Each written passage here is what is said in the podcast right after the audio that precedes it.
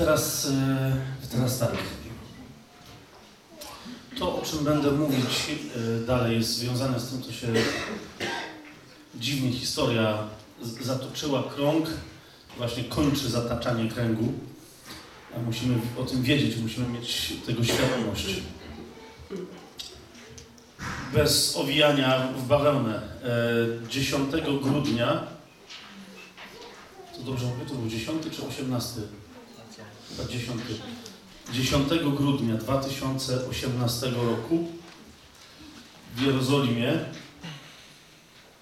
bez żadnych oporów ani ze strony władz e, Izraela świeckich, ani, e, ani ze strony e, arabskiej, palestyńskiej została złożona przez oficjalnie za wiedzą, zgodą Sanhedrynu odnowionego, odrestaurowanego, konsekrowanego tak jak należy, została złożona ofiara całopalna w Jerozolimie.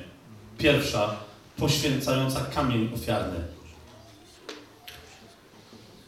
Chodzi mi o to, że to nie był, to nie była sztuka teatralna. Czy rozumiecie, co, co mówię? Lewici i kapłani z wykorzystaniem tych wszystkich sprzętów, które jeszcze do niedawna można było obserwować jako przygotowane na służbę świątynną do nowej świątyni jerozolimskiej w Instytucie Świątynnym. Nie, można było je, nie można ich było dotknąć, ale można je było oglądać. Ubrania dla kapłanów i tak dalej. Wszystkie te sprzęty, które były potrzebne do złożenia tej ofiary, były, były wykorzystane. Rozumiecie? Nie atrapy, tylko te rzeczy, które były poświęcone, jak należy, przez ludzi, którzy byli przeszkoleni, jak należy została ta ofiara złożona.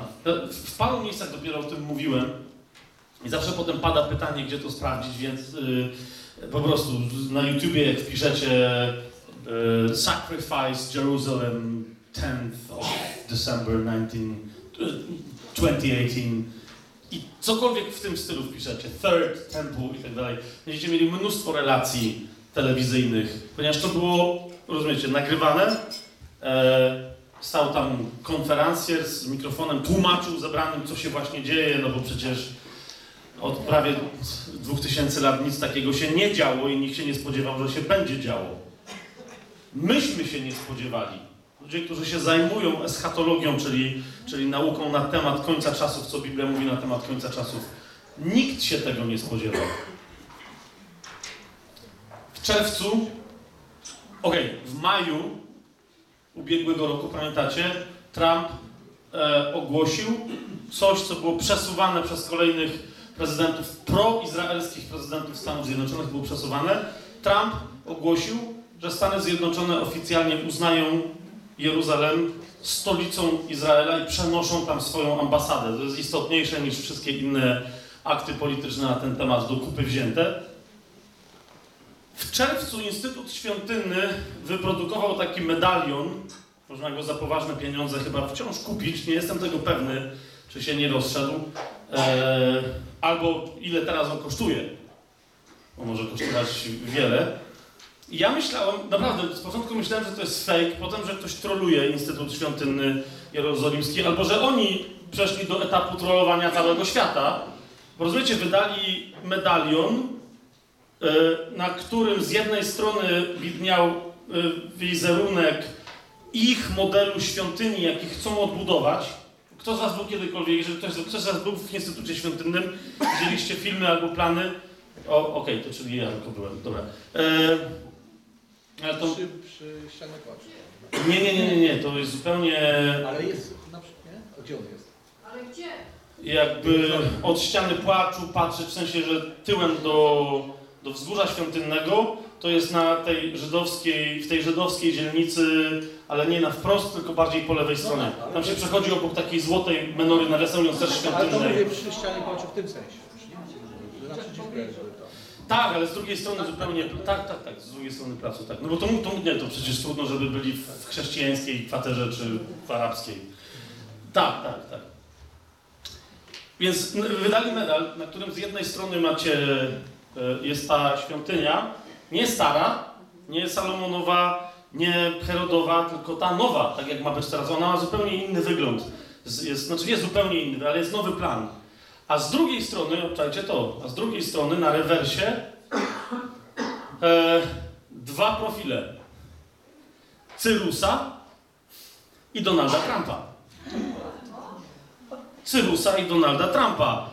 Że jak przez Cyrusa, bo pamiętacie jak doszło do odbudowania świątyni Salomonowej?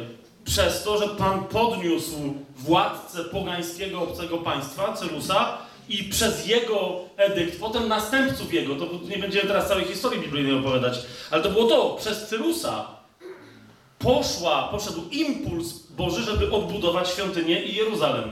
Więc jeżeli ktoś, wiecie, daje tam profil Cyrusa i obok niego profil Donalda Trumpa, to co to oznacza?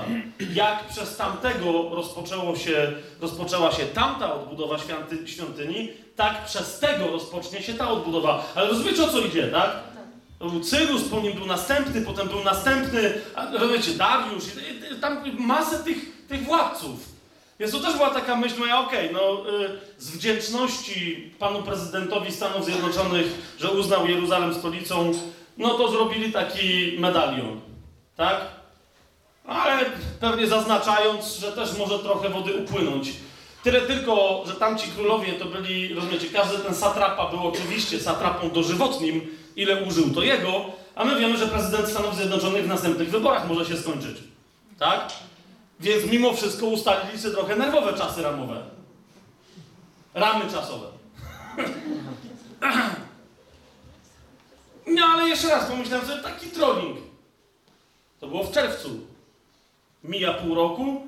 W grudniu, rozumiecie, okazuje się, że nie stanowi żadnego problemu dla nikogo, że się składa tam ofiarę. Jeżeli się składa ofiarę, żeby poświęcić kamień, ofiarniczy, to prawdopodobnie, ja tego nie wiem, bo teraz wiecie, Sanhedryn to jest trochę tak jak Kościół rzymskokatolicki, czyli że jest Talmud pisany, a więc wykładnia Tory pisana, ale jest też Talmud mówiony, czyli jak aktualnie magisterium rabiniczne ustali, tak jest. Więc może oni coś tam innego ustalili, ale według mnie, jak rozpalili ogień ofiarniczy, to on nie może przestać płonąć.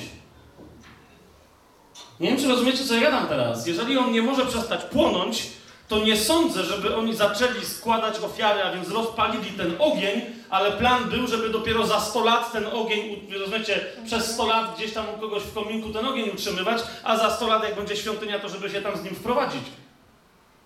To znaczy, że niezależnie od tego, co się wydarzy, myśl tam jest naprawdę poważna, że to już jest już. To już jest już. Powtórzę to wolniej to już jest już.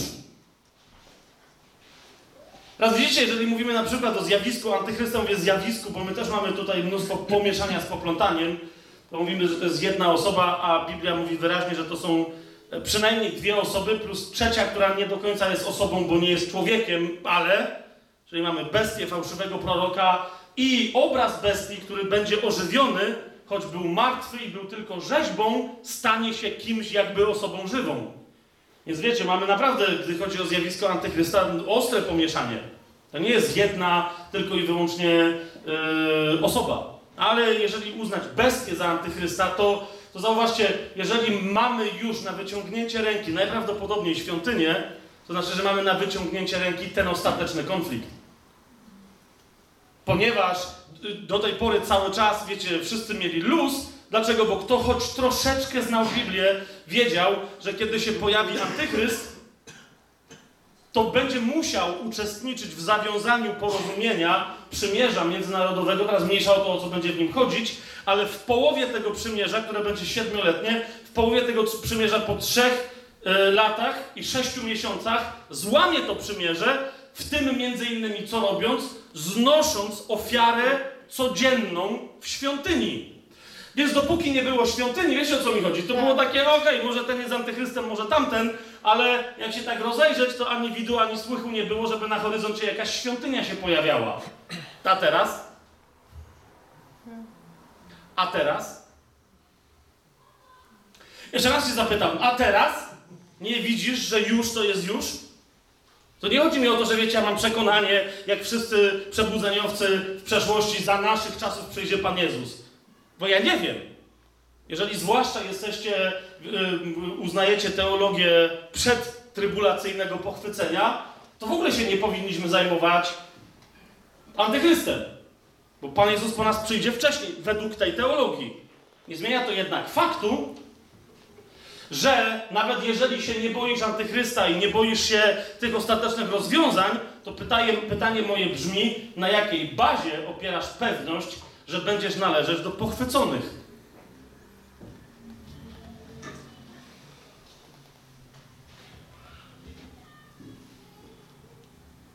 O, teraz postraszyłem. Ale zauważyliście, jak często w kościele się kłócimy o rzeczy, które są drugorzędne wobec pierwszorzędnych i jest to ewidentnie zasłona dymna przeciwnika, żebyśmy się nie zajmowali tym, co istotne? Czasy końca będą się charakteryzować z całą pewnością. Nie będę dzisiaj za specjalnie tej myśli rozwijał, ponieważ mamy tu za dużo inteligentnych chrześcijan na tej sali i chrześcijanek, żeby to musieć udowadniać. Jeżeli nie będzie w czasach końca, końca tej epoki, wszystkich siedmiu kościołów, bo może tak być, że będą wszystkich, że będziemy mieli wszystkich siedem, ale jeżeli nie będzie wszystkich siedmiu kościołów z Księgi Objawienia, to z całą pewnością będą dwa. Ok, jeszcze raz, nie, będę, nie mamy czasu dzisiaj, żeby się tym zajmować, ale mówię cały czas, siostro, o tobie i o tobie, bracie. Będą z całą pewnością dwa kościoły. Jakie? Będzie to kościół w Filadelfii, to jest trzeci rozdział Księgi Objawienia. Będzie to kościół filadelfijski i jaki kościół? Laodycejski. Z całą pewnością. Z całą pewnością. Jeden i drugi jest, jest kościołem. Należy, są w różnych miejscach, ale są kościołami. Pan Jezus wysyła swojego anioła do tych kościołów, i pisze list do tych kościołów i rozpoznaje te kościoły jako kościoły. Co to oznacza? Że są to zgromadzenia ludzi odkupionych krwią baranka. Amen? Nowonarodzonych ludzi. I teraz zauważcie, w, w trzecim rozdziale Księgi Objawienia do kościoła w Filadelfii Pan Jezus pisze następujące e, rzeczy. Mówi, to jest e, trzeci rozdział Księgi Objawienia od ósmego wersetu mówi o starciu czasów ostatnich, które jest starciem z czymś, co Pan Jezus nazywa, bardzo to interesujące, synagogą szatana. I mówi tak. Znam Twoje uczynki, to jest do kościoła w Filadelfii. Oto postawiłem przed Tobą otwarte drzwi, których nikt nie może zamknąć, bo chociaż których nikt nie może zamknąć, bo choć masz niewielką moc, jednak zachowałeś moje słowo i nie wyparłeś się mojego imienia. Co to jest Kościół filadelfijski? To jest Kościół, który na razie, ponieważ nie będę wchodził w Grekę, ale chodzi o to, że, że to jest Kościół, który na razie, na tym etapie, kiedy dostaje ten list, ma jeszcze nie, niezbyt dużą moc. Ale to, czym się charakteryzuje, to jest co? Zachowanie Jezusowego Słowa i nie zapieranie się Jego imienia. Amen? Ma, mamy to? I mówi, znam twoje uczynki, widzę, co się tam dzieje. I teraz mówi tak, dziewiąty werset. Oto dam ci ludzi z synagogi szatana, którzy mówią, że są Żydami, a nimi nie są, lecz kłamią. Oto sprawię, że przyjdą i pokłonią się przed twoimi nogami i poznają, uważajcie, że ja ciebie umiłowałem.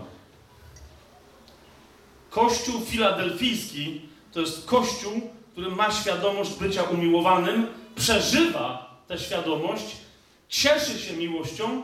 Co więcej, ludzie z czegoś, teraz nie będziemy rozważać, ale rozumiecie, że to nie jest nic dobrego, nic fajnego, jeżeli przychodzą z czegoś, co się nazywa synagogą szatana. Oni przyjdą do tego kościoła i powiedzą: My z zewnątrz widzimy, że jesteście umiłowani.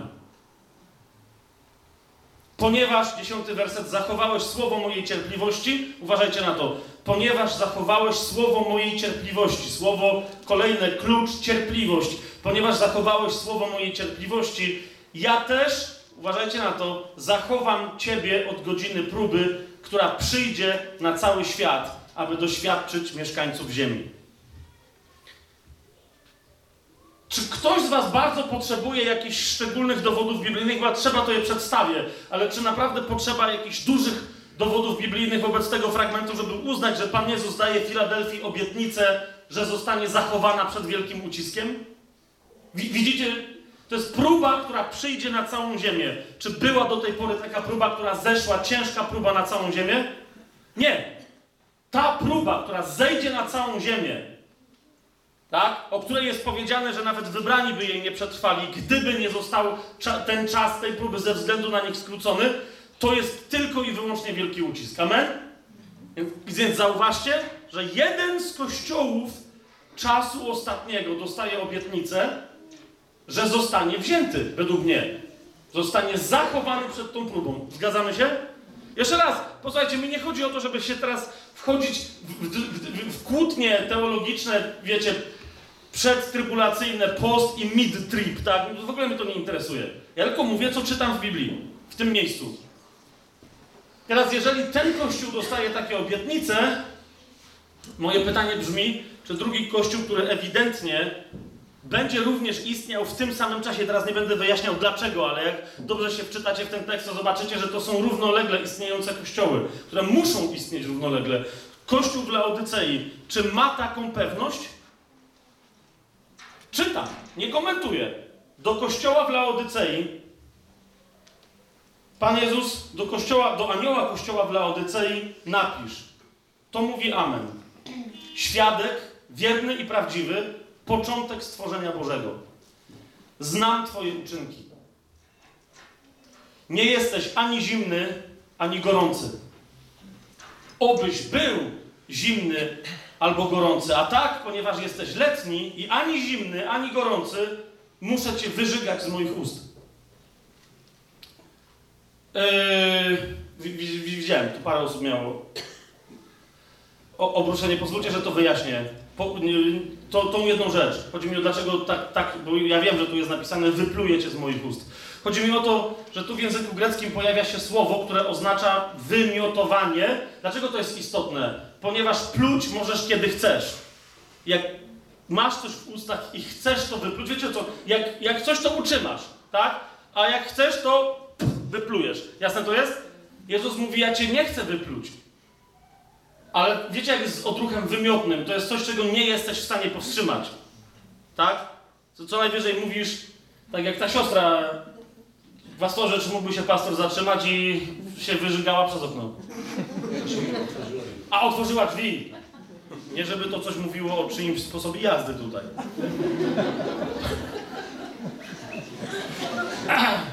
Dobra, nie wiem, co by było ze mną, jakby jechała. Że spokojnie. Jesteśmy przyjaciółmi. Po prostu Zostaliście przyjaciółmi. To jest, to jest to. Ale ona nie była w stanie utrzymać tego, tak? Ani w, ani w żołądku, ani w ustach. Właśnie to jest to, to, co Pan Jezus mówi. Masz taki rodzaj letniości, który powoduje, że ja mam odruch wymiotny i go nie powstrzymam.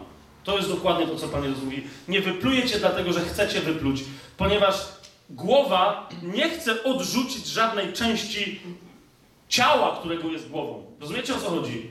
A, ale mówi, doprowadziłeś się, Kościele, w Laodycei do takiego stanu, że cała reszta mojego ciała po prostu jest odpowiedzialna za to, że ja cię będę musiał wypluć przez moje usta. Ponieważ nie pasujesz do całego, jesteś trucizną w tym ciele. Musisz być kościołem wyżyganym. Dlaczego? 17 werset tego trzeciego rozdziału Księgi Objawienia. Mówisz bowiem, jestem bogaty, i wzbogaciłem się i niczego nie potrzebuję, a nie wiesz, że jesteś nędzny i pożałowania godny, biedny, ślepy i nagi.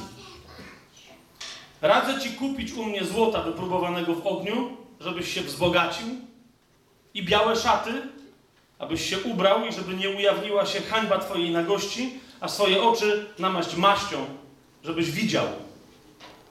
I znowu wraca temat miłości. Uważajcie na to. Ja wszystkich, których miłuję, strofuję i karcę. Bądź więc gorliwy, to mówi Pan Jezus do, do kościoła w Laodycei, i pokutuj. I jeszcze jedna rzecz, kochani. Fragment, bo tu się pojawia jeszcze jeden cytat. Zauważcie, z czego on pochodzi. To nie jest list Pana Jezusa do nienawróconych ludzi. To jest list Pana Jezusa do Jego Kościoła. Mówi, oto stoję u drzwi i pukam. To jest Kościół, który wyrzucił Pana Jezusa za drzwi. Co to znaczy? Jezus przecież mówi, jeżeli gdzieś dwie albo trzy osoby gromadzą się w moje imię, tam ja jestem pośród nich. Co to znaczy? To znaczy, że ci, którzy się gromadzą w tym kościele, są tak bardzo samowystarczalni, że gromadzą się w swoje imię, a nie w imię Jezusa. W imię swojego przywódcy, a nie w imię Jezusa. Gromadzą się wokół kogoś albo wokół czegoś, ale na pewno nie wokół Pana Jezusa. Zauważcie, ten kościół właśnie dlatego ma Jezusa za drzwiami, bo nie jest kościołem filadelfijskim, o którym Pan Jezus powiedział: Zachowałeś moje słowo, ósmy werset, i nie wyparłeś się mojego imienia. Tu jest kościół, który może się posługiwać imieniem Jezus, ale wyparł się tego imienia. Niczego nie robi w to imię. Teraz zauważcie, teraz zauważcie, to jest zupełnie nawiasem mówiąc, bo to, ja, to, co teraz powiem jest tylko nawiasem mówiąc, ale zauważcie, nawet teraz zadaj sobie pytanie, jak odróżnić chrześcijanina, który mówi, że robi coś w imieniu Jezusa, od chrześcijanina, który robi coś w imieniu Jezusa? Po owocach. O, właśnie. Widzicie, o co mi idzie? Jak łatwo, widzicie, to jest to, o czym na, na początku, jak łatwo się śmiać z religijnych, ewidentnie religijnych ludzi, jak na przykład rzymskich katolików, że chodzą do kościoła. Też to ewidentnie, to jest religia, jak jest śmieszne, to nie wyśmiewaj, no ale to, to są czasem śmieszne rzeczy. Nic nie poradzisz na to. Tylko rozumiecie, śmieszna religia o tyle jest nie jest niebezpieczna, że jest śmieszna. Najgorsza religia to jest ta, która twierdzi, że nie jest religią, że jest stricte biblijnym przestrzeganiem Słowa Bożego i pełnieniem woli Bożej w imieniu Jezusa, a jest kompletnie pozbawiona mocy.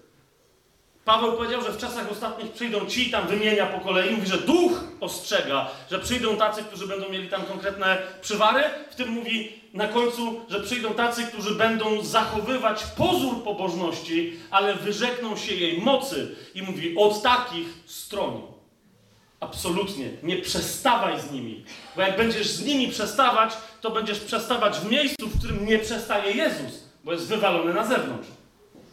I powiesz, ale ja w imieniu Jezusa, ale Jezus powiedział, gdzie dwie albo trzy osoby się zgromadzą w imieniu Jezusa. Jak jedna osoba się zgromadzi w imieniu Jezusa z dwiema, które tylko udają, że są w imieniu Jezusa, to jest zgromadzenie, które pozwala Jezusowi przyjść?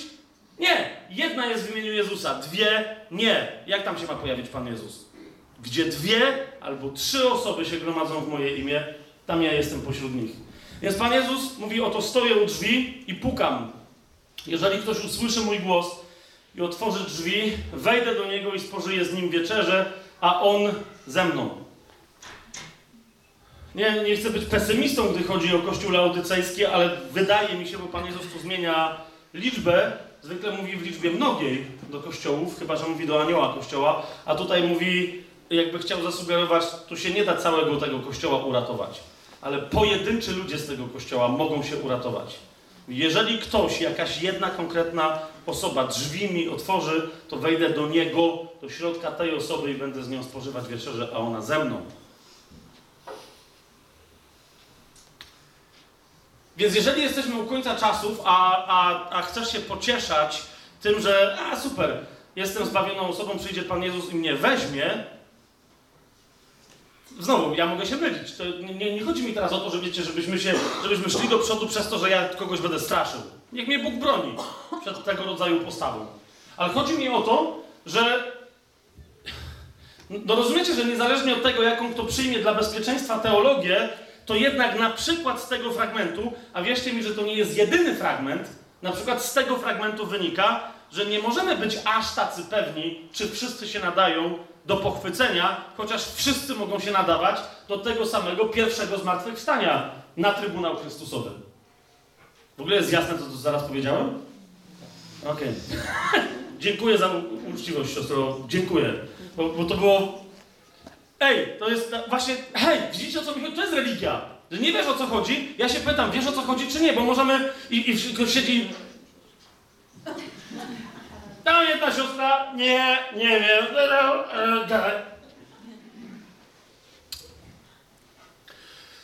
No właśnie, wracam do pytania. Zostawmy plany na za 16 tysięcy lat. Ale jakie masz plany na koniec swojego życia, na przejście, rozumiesz, przez nowe życie do jeszcze nowszego życia? Dobra, okej.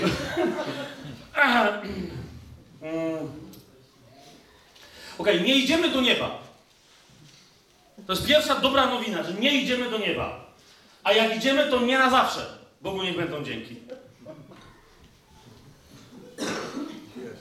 Nie mogę się, nie mogę się nacieszyć tą myślą. Rozumiecie? Zawsze byłem spięty w kościele rzymskokatolickim na pytanie, gdzie idę do nieba. I teraz na czym to polega? No, że będziesz, wiesz, duszą szczęśliwą. Weź, wczuj się w duszę, będąc istotą stworzoną, jako dusza żyjąca, jako ciało. Weź teraz ustal, że jesteś tylko i wyłącznie duchem, bo to jest de facto to, co mi powtarzali. We, weź teraz, wczuj się w to. Żono, mogę poprosić? Celowo, nie, nie, chodzi mi o to, że, patrzcie, jestem tutaj. I teraz jasne, tak? Moja żona mi docina, co jakiś czas ja mówię, o Madzia, cudownie, że jesteśmy razem. A Madzia mówi, no to się kiedyś skończy, nie? I kiedyś będę tylko Pana Jezusowa. A my się będziemy tylko znali. No okej. Prawda, wszystko to prawda, ale wciąż idzie mi o to, że popatrz, jeżeli my teraz funkcjonujemy w pewnym zadatku przed smaku, nie, dopiero, to, dopiero musisz trochę zapłacić za te obrazy. W każdym razie, dasz mi rękę? No to właśnie, jest takie doświadczenie, tak? Ja wiem, że teraz ono może pewnie bardziej będzie przemawiać do mężczyzn niż do kobiet, ale jednak chodzi mi o to, że wiesz, wiesz, rozumiecie, że ja tu coś czuję. Z ręka. Nie, ale nie chodzi o to, że jest ręka, tak? Że to jest kawałek mięsa z kością, y, to jest 20 deko. To nie jest to, co ja czuję. Wiecie, o co mi idzie? To jest dłoń, ale, ale tu się dzieją, rozumiecie, że tu się dzieją rzeczy, tak? E to dobra, widzę, że kobiety więcej wiedzą, co się dzieje. To by- to jest ręka. Okej, teraz. Bardzo cię kocham.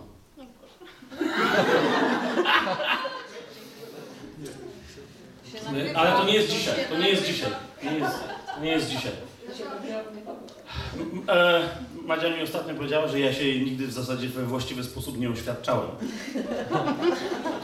Co nie jest trochę dziwne, bo nie chciała tradycyjnego pierścionka, chciała serduszko zaręczynowe na łańcuszku. To dostała, ale jak już dostała, to nagle się kapnęliśmy, że ja się jej nigdy nie oświadczałem. Szliśmy od jubilera, to było na, na Wielopolu w Krakowie, obok tego banku takiego chamskiego, takiego betonowego, ogromnego, wśród śmierdzących samochodów na parkingu. I ja mówię, Madzia, ja ci się nie oświadczałem. Madzia mówi, rzeczywiście. Ja mówię, okej, wyjdziesz za mnie? No, okej. Do, do, dosłownie, naprawdę, to, to, taki ze mnie romantyk. Ale ja tak, Powiedz to wszystkim, żeby nie było. tak, ja tak chciałam. Więcej nie trzeba. Ale niedawno Madzia mówi, widząc naszego bardzo serdecznego przyjaciela, dobra, nie będę mówił kogo, który po latach oświadczył się swojej żonie i Madzia powiedziała, w sumie fajna idea. A to nie jest dzisiaj, Madzia. To nie jest dzisiaj. To jeszcze będzie, jakieś poważne zgromadzenie. Więcej ludzi w sumie, bo jesteście bardzo poważni. Mówię o tej duszy, Madzia. Widzicie, o co mi chodzi, co się dzieje? Dusza żyjąca, my jesteśmy stworzeni, e, My jesteśmy stworzeni, yy, jakby diabeł powiedział, jako małpoduchy. I zauważcie, że jesteśmy przeznaczeni do tego, żeby nadal być cudownymi, cielesno-duchowymi istotami. Dziękuję bardzo. Tylko chciałem wam to powiedzieć, popatrzcie, to się nie może skończyć, to się musi poprawić, bo to nie jest złe, że ja się komunikuję z drugą osobą przez dotyk dłoni. Wiecie o co mi chodzi? Że kogoś przytulasz, kogoś pocałujesz i tak dalej. Jasne, że my w tym to wszystko zbrukaliśmy, zepsuliśmy, jesteśmy w upadłym świecie, ale chodzi o to, że chodzi o to, że to się ma wydoskonalić, to ma być oczyszczone i odrodzone. My nie mamy skończyć jako jakieś bezcielesne duchy gdzieś. To z ucztą baranka wtedy. To, co, co, co z wszystkim? Ile kobiet zaczęło marzyć? Niektóre zaczęły się obruszać, że fuj, ale ile zaczęło marzyć? Jak zobaczyły, że jednym z elementów tysiącletniego królestwa, w ogóle wiecznego królestwa, już zostawmy tysiącletnie królestwo, jest ucztowanie z barankiem, z naszym Mesjaszem, który ma powrócić na tę ziemię, jest ucztowanie przy pomocy cudownych, genialnych, z Nowej Jerozolimy, z nowych winogron, trunków wysokoprocentowych, na ile wino może być wysokoprocentowe, ale to jest królestwo, także pamiętajcie, to może być procent. I zakąszanie do tych trunków mocno procentowych tłustym mięsem. I jak tu przeczytałem z początku, pamiętasz to Madzia? O, mo, mojej żonie. Madzia mówi, aaa, tłuste, mówię, Madzia. Ale ten się dobrze zrobiony, tam anioły będą gotować. Albo jeszcze nawet lepiej jacyś profesjonalni ludzie, bo tam anioły to przecież smaku nie mają. Będzie rozumiesz? Po drugie, to my będziemy jedli, żeby zachować linię. I Madzia mówi, no to, no to trzeba było od razu taki wstęp zrobić i dopiero potem czytać obietnicę. To jest piękna obietnica Boża, prawda? Pan Jezus powiedział, że się nie może doczekać. Jak kończył pić wino, pamiętacie, podczas ostatniej wieczerzy, powiedział, że znowu je będzie pił. Nie udając, powiedział, że znowu je będzie pił. Jak zmartwychwstał, jedna z pierwszych rzeczy, którą, którą pokazał swoją drogą świadkowie Jehowy, często się przerażają przy tym fragmencie, kiedy mówią, że no, ale Pan Jezus zmartwychwstał tak na niby, bo On tylko chodził jako duch. I otwierasz im Ewangelię Łukasza, a Pan Jezus mówi, zobaczcie, że nie jestem duchem. I oni, o, jakby ducha zobaczyli. Na dowód tego, że nie jest duchem, co zrobił? Pamiętacie to? Co zjadł? I co? I, rybę i co? I rybę i co? Bo on tylko rybę jadł. Chleb. Tam zależy, nie? Ale tam jest i serek, i miodek. Są nawet takie rękopisy, które mówią, że i rybę, i ser, i miód. Tam ryba, wiesz, wędzonka też jest spoko. Jadł, żeby zobaczyli, że nie jest duchem. A to są pierwociny, a więc zadatek, wstęp, pokaz pierwszy tego, co nas wszystkich czeka. Rozumiesz? Rozumiecie, co się. Co, co, co, we- weź, zacznij czytać Stary Testament. Znam ludzi, którzy dopiero jak do nich to dotarło, rozumiesz, ani oko nie widziało. Za, zauważyli w ogóle, pa- pamiętacie ten fragment u Pawła? Ani oko nie widziało, ani ucho nie słyszało. Pamiętacie to? Tak. Czego? Tego, co kiedyś twoje oko zobaczy, a ucho usłyszy, a ręka dotknie. Rozumiesz? To o to chodzi. W nowym ciele zmartwychwstałym, w którym już nigdy nie umrzesz. O to mi idzie.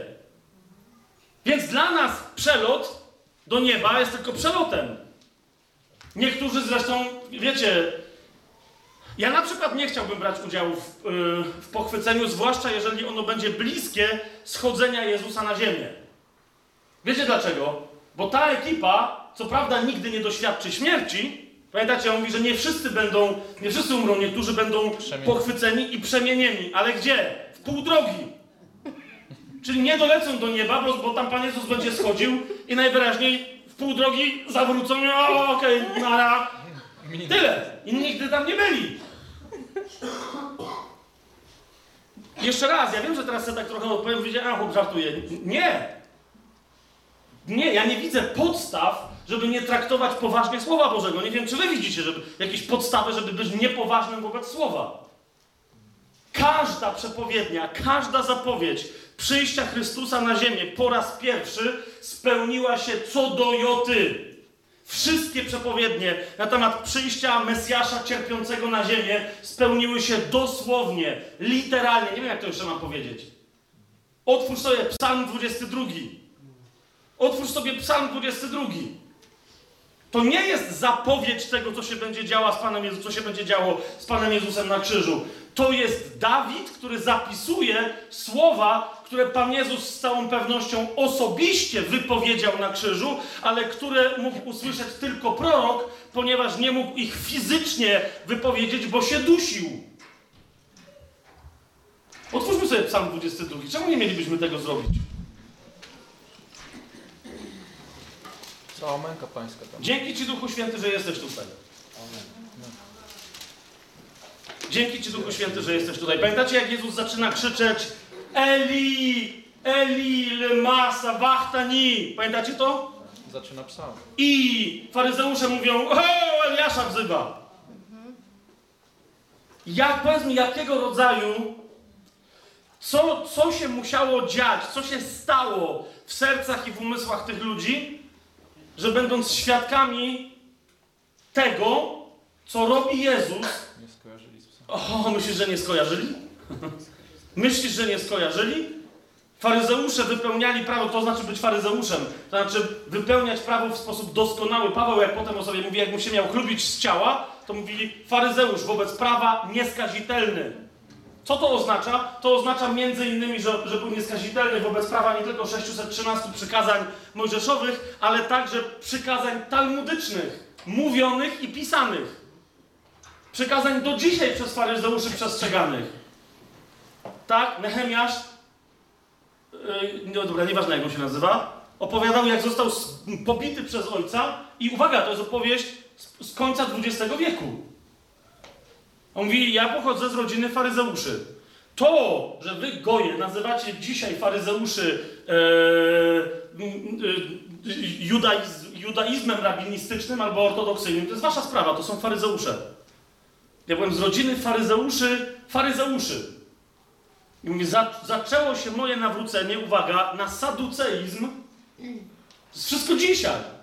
Bo chłop to mówi, że działo się pod koniec XX wieku, ale mówił już w XXI. W końcu jak w XXI słyszałem. Pobił mnie ojciec, który, który, który zaglądnął do mojego pokoju, jak wstawałem. Mówi, musiałem zdjąć nogi na podłogę, jedną z nich przynajmniej położyć na bucie. Nie mogły dwie wylądować na podłodze.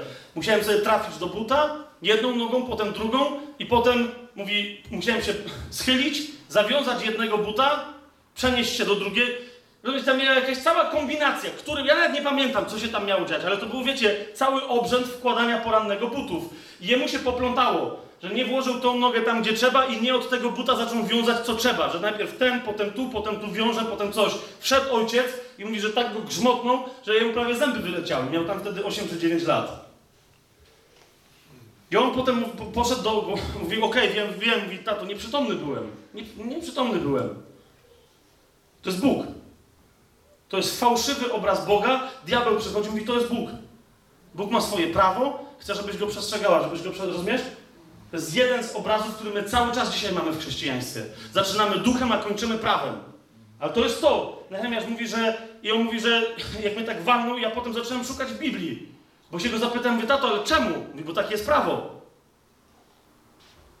I ten zaczął szukać w Biblii. Gdzie jest prawo? Że najpierw lewy, potem prawy, a, a potem z powrotem prawy, a potem lewy. Gdzie? A ten powiedział, nie, w Biblii jest napisane coś tam, co sugeruje coś tam, z czego przejdziesz do Talmudu, a w Misznie masz napisane, jak się wiąże buty. Czy w czymś innym? Ja teraz mogę się mylić, bo się nie znam. No mówi, tato, ale to nie jest Pismo Święte. Ale mówi, ale, ale to jest autorytet, który Pan nam dał przez Pismo. Ja się go pytam, mówi, tato, jak nam Pan dał ten autorytet przez Pismo? A on mówi, jak Mojżesz pisał, to pisał tylko samogłoski. Wiecie, że w języku hebrajskim oryginalnie się nie pisało spółgłosek. Nie, o Więc... O, oczywiście, spółgłoski, nie samogłoski. Więc Jahwe to jest, albo Jehowa to jest jichy, wychy. I potem jakie tam samogłoski wstawisz, to ci takie imię wyjdzie, to jest żaden problem, tak? I w zależności też od tego, jak inne wyrazy brzmią. Ale, ale ten mu mówi, dlaczego Mojżesz dostał od Pana zapis? Dlaczego Mojżesz dostał od Pana zapis w samych tylko spółgłoskach? Ponieważ nie wiedział, co będą znaczyć samogłoski. Ale przyszedł rabbi, Ben Akiwa i on wiedział. On dopisał samogłoski i wszystko stało się inne. I nawet Mojżesz nie wiedział, co pisał. Ale mówi, jak rabin Akiwa dopisał te samogłoski, to potem on też nie wiedział, co pisze. Bo przyszli następni i powiedzieli, ten pisał, tamten napisał, a kto czyta? My? I mu mówi, rozumiem. I teraz i- inna rzecz, jak ja tego słuchałem, to żeśmy dotarli do koncepcji, która jest dokładnie taka sama, jak koncepcja magisterium w kościele rzymskokatolickim. Co aktualnie naucza święty Kościół? To, to, to jest to. Ale przedwczoraj było co innego. Nieważne, to było to samo, tylko ty nie rozumiesz. Okej. To samo jest, rozumiecie, dosłownie istnieje magisterium rabiniczne w judaizmie dzisiaj. I według tego magisterium już za czasów Pana Jezusa przy każdym umierającym należało odśpiewać albo odmówić psalm 22. Przy wszystkich umierających, których rozumiecie, że trochę było, nie było szpitali, nie było zakładów pogrzebowych, więc trzeba było sobie samemu jakoś z tym radzić. Przychodzili pobożni faryzeusze i odmawiali ten psalm. Nad każdym umarłym odmawiali, nie bardzo wiedząc, co jest grane, ale taki był przepis. Eli, Eli, lema sabachthani. Doskonale wiedzieli, że to znaczy Boże mój, Boże mój, czemuś mnie opuścił. I że prawdopodobnie w ten sposób oddają stan duszy umierającego. Tyle tylko, że musieli się nauczyć tego psalmu na pamięć. A więc jeżeli Chrystus zawołał na krzyżu Eli, Eli, lema sabachthani, to oni świetnie wiedzieli, Że ma na myśli cały psalm. Świetnie wiedzieli, że zaraz w tym psalmie pojawia się na przykład werset siódmy i ósmy. Oni dopiero co zrobili to pod krzyżem, a, krzy, a, a Jezus krzyknął Eli, Eli. Więc wiedzieli, że gdyby mówił dalej ten psalm, bo wiedzieli świetnie, że to jest psalm, co by musiał powiedzieć? Wszyscy oni, którzy mnie widzą, szydzą teraz ze mnie, wykrzywiają swoje usta, potrząsają głową i mówią mi, zaufał Panu, to niech go wyzwoli, niech go ocali, skoro go kocha. Pamiętacie, co się działo pod krzyżem? To są dokładne słowa tych, którzy stali pod krzyżem i mówili Jezusowi do siebie i do Niego. Mówili, no to jak żeś taki umiłowany, to niech Cię Bóg wyzwoli. A ten zaczął, Eli, Eli. Kto ma prawo odmówić ten psalm? Tylko ten, kto właśnie zaczął go odmawiać. Ponieważ oni mówili to do Niego, a On mówi o nich. Zobaczcie dalej.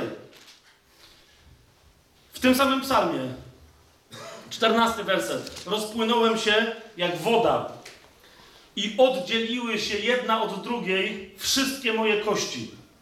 Moje serce zmiękło jak wosk i roztopiło się w moim wnętrzu. Pamiętacie, że potem Jezus uderzony w bok, e, z przebitego boku popłynęły krew i woda. I spytajcie patologów, kryminalistyki i innych ludzi, którzy się tym zajmują, co się dzieje człowiekowi, który się dusi tak, żeby potem mieć takie zjawisko, że powstaje mu w okolicach serca, że się zbiera się woda i tak dalej. To jest dokładnie to, co Jezus tu opisuje. Bo to jest Jezus, to nie Dawid napisał ten psalm. Dawid go tylko zreferował. Moja siła wyschła jak skorupa, 15 werset. A mój język przylgnął do podniebienia. I tu mówi do Boga, położyłeś mnie w prochu śmierci. Psy bowiem mnie osaczyły. Dookoła Jezusa, dookoła Jezusa stała kohorta, nie kohorta, tylko legion rzymski złożony głównie z pogan, głównie to był legion asyryjski. Później Żydzi, później chrześcijanie nawet zaczęli mówić w ogóle o, o ludziach sprzeciwiających się prawdzie Bożej albo mieszających prawdę Bożą. Nie tylko o poganach, ale takich, którzy udają, że coś wiedzą. Pamiętacie później, strzeżcie się psów u Pawła. Ale oryginalnie to było określenie na Asyryjczyków. Tak? Oni tam stali dookoła, oni przybili Jezus, rękami bezbożnych przybiliście go do krzyża. Pamiętacie potem, jak Piotr krzyczy. A on mówi, psy bowiem mnie osaczyły. Obległa mnie zgraja złączyńców. Przebili moje ręce i moje nogi. Powiedz mi, skąd Dawid miałby wiedzieć, kogo miałby widzieć, powiedz mi, kogo miałby widzieć, kto gada takie rzeczy, jeszcze jest w stanie je gadać, ale ma przebite ręce i nogi i właśnie mówi, że się dusi otoczony zgrają złoczyńców i psów. Przebili moje ręce i moje nogi. Kara śmierci, jaką Rzym zaczął stosować na terenie Jerozolimy i Izraela, w zasadzie, w zasadzie była niedozwolona w momencie, kiedy Pan Jezus przychodził na świat. Nie wiem, czy to zauważyliście. Dlaczego? Ponieważ kiedy Pan Jezus przychodził na świat, tam jeszcze panował król judejski. Pamiętacie Heroda? Potem jest historia, nie będę jej teraz opowiadał, w ramach której jego potomkowie stracili berło. Dlaczego? Ponieważ berło musiał przejąć Shilo. Zgodnie z zapowiedzią wyraźną Jakuba, który powiedział, że od Judy nie odejdzie berło, dopóki nie przyjdzie Shilo, który sobie je weźmie. Jak, jak Jakub kończy swoje życie, błogosławi 12 swoich synów. Nie, nie, nie pamiętacie tego. Jeszcze raz, jak kogoś to będzie interesować, w przerwie powiem, teraz tego nie będziemy robić, ale mówi o tym wyraźnie. Kiedy przychodzi, dlatego Herod się boi, że skoro przyszedł ten, który miał przyjść, to jest Shilo. A Herod nie był Judejczykiem, on tylko dzierżył berło Judy. Więc dlatego chciał go zabić, żeby go usunąć z drogi. No ale sam źle skończył, a, pu- a później tak się sytuacja posypała, że już nikt po nim tego berła nie przejął. Rzym ustanowił swojego namiestnika tam, wprowadził swoje prawo, Judea straciła prawa niezależnego królestwa i od tej pory zaczęło się krzyżowanie w Jerozolimie. Rozumiecie? Dopiero kiedy Pan Jezus przyszedł, od tej pory zaczęło się krzyżowanie i skończyło się niedługo później wraz ze zniszczeniem świątyni i całej Jerozolimy w 70 roku, jak pamiętacie. To był okres, który nie trwał długo. Ani później, ani wcześniej nikt nikogo nie krzyżował. Nikt nikogo nie krzyżował na teren- terenie Judy, czyli, yy, czyli południa i Izraela na północy. Nikt, ponieważ wszystkich się kamienowało. Ale pamiętacie, oni przyszli do Piłata specjalnie mówiąc, ale nam nie wolno nikogo zabić. Jeszcze za Heroda Wielkiego jeszcze wolno było, ponieważ stosowaliśmy prawo świątynne, ale teraz wy rządzicie. Teraz musicie go ukrzyżować. Rozumiecie? To jest parę lat zaledwie w historii Izraela, kiedy ktoś mógłby wisieć gdzieś i powiedzieć: Mam przebite ręce i przebite nogi. I Dawid mówi: Ten ktoś mówi takie rzeczy w tym malutkim przedziale czasowym. Co więcej, mówi, 18 werset, zobaczcie na to. Powiedzcie mi, czy jeszcze czegoś trzeba było tym głupim faryzeuszom tam pod tym krzyżem? Teraz wybaczcie mi, że mówię głupi tak jak Paweł. To jest, to jest większa głupota niż jak Paweł do Galacjan napisał głupi Galacjanie. Bo oni wiedzieli, że w tym psalmie jest także napisane dzielą między siebie moje szaty, a o moją tunikę rzucają specjalne losy. Widzicie to? Tam wisi człowiek, który ma przebite ręce i nogi, którego dopiero co wyśmiali, tak jak ten psalm mówił, że będą go wyśmiewać.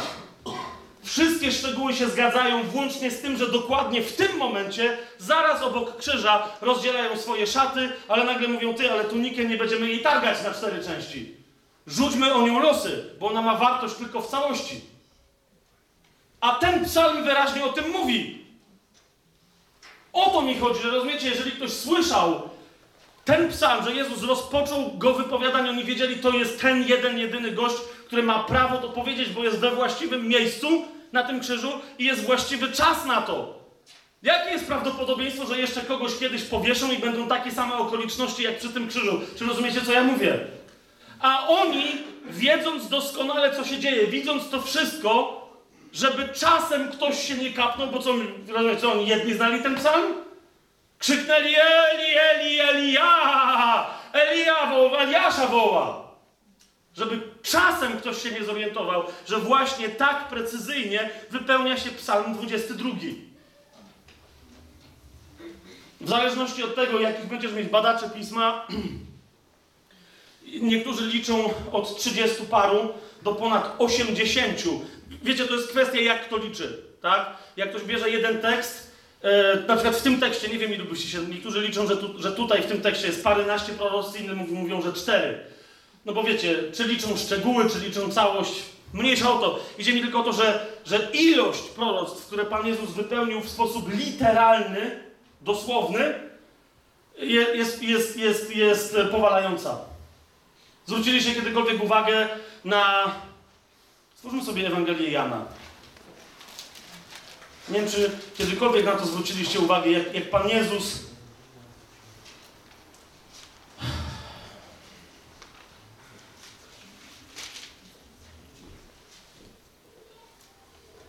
To jest 19, 19 rozdział Ewangelii Jana.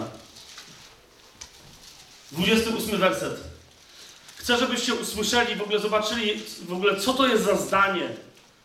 Co to jest za zdanie i, i co nam to mówi o naszym Panu i o naszym Zbawicielu. 19 rozdział, 28 werset. Zobaczcie. Potem Jezus, widząc, że już wszystko się wykonało. Zauważcie, on za chwilę w 30 wersecie krzyknie: Wykonało się. Co? Wszystko. A więc jeszcze raz, przychodzi moment, zwróćcie uwagę, 28 werset, że Jezus widzi, że co się wykonało? Wszystko. Wszystko to, co było potrzebne do odkupienia Ciebie, mnie, zgładzenia naszego grzechu, wykupienia całego świata spod jakiegokolwiek porządku diabelskiego, spod panowania grzechu, śmierci, szatana, wszystko się wykonało, co było do tego konieczne. Zauważ, stwierdził, ale zrobię jeszcze jedną rzecz. Patrz, co jest napisane. Widząc, że już wszystko się wykonało, aby się wypełniło pismo. Czyli powiedział, wszystko, co było konieczne, się wypełniło, ale jest jeszcze jedno proroctwo, które jeżeli ja czegoś nie zrobię, to się nie wypełni. A więc, aby się wypełniło. Rozumiesz, jak Pan Jezus szanuje słowo, które Ojciec wypowiadał w duchu przez proroków i On sam, aby się wypełniło pismo, chociaż już wszystko się wypełniło, ale on mi to jeszcze to jedno, jedyne słowo, aby się wypełniło pismo, powiedział: Pragnę. A stało tam naczynie pełne octu, nasączono więc gąbkę octem, nałożono ją na hizop i podano mu do ust. a dopiero gdy Jezus skosztował octu, powiedział: Wykonało się. Otwórzmy sobie Psalm 69.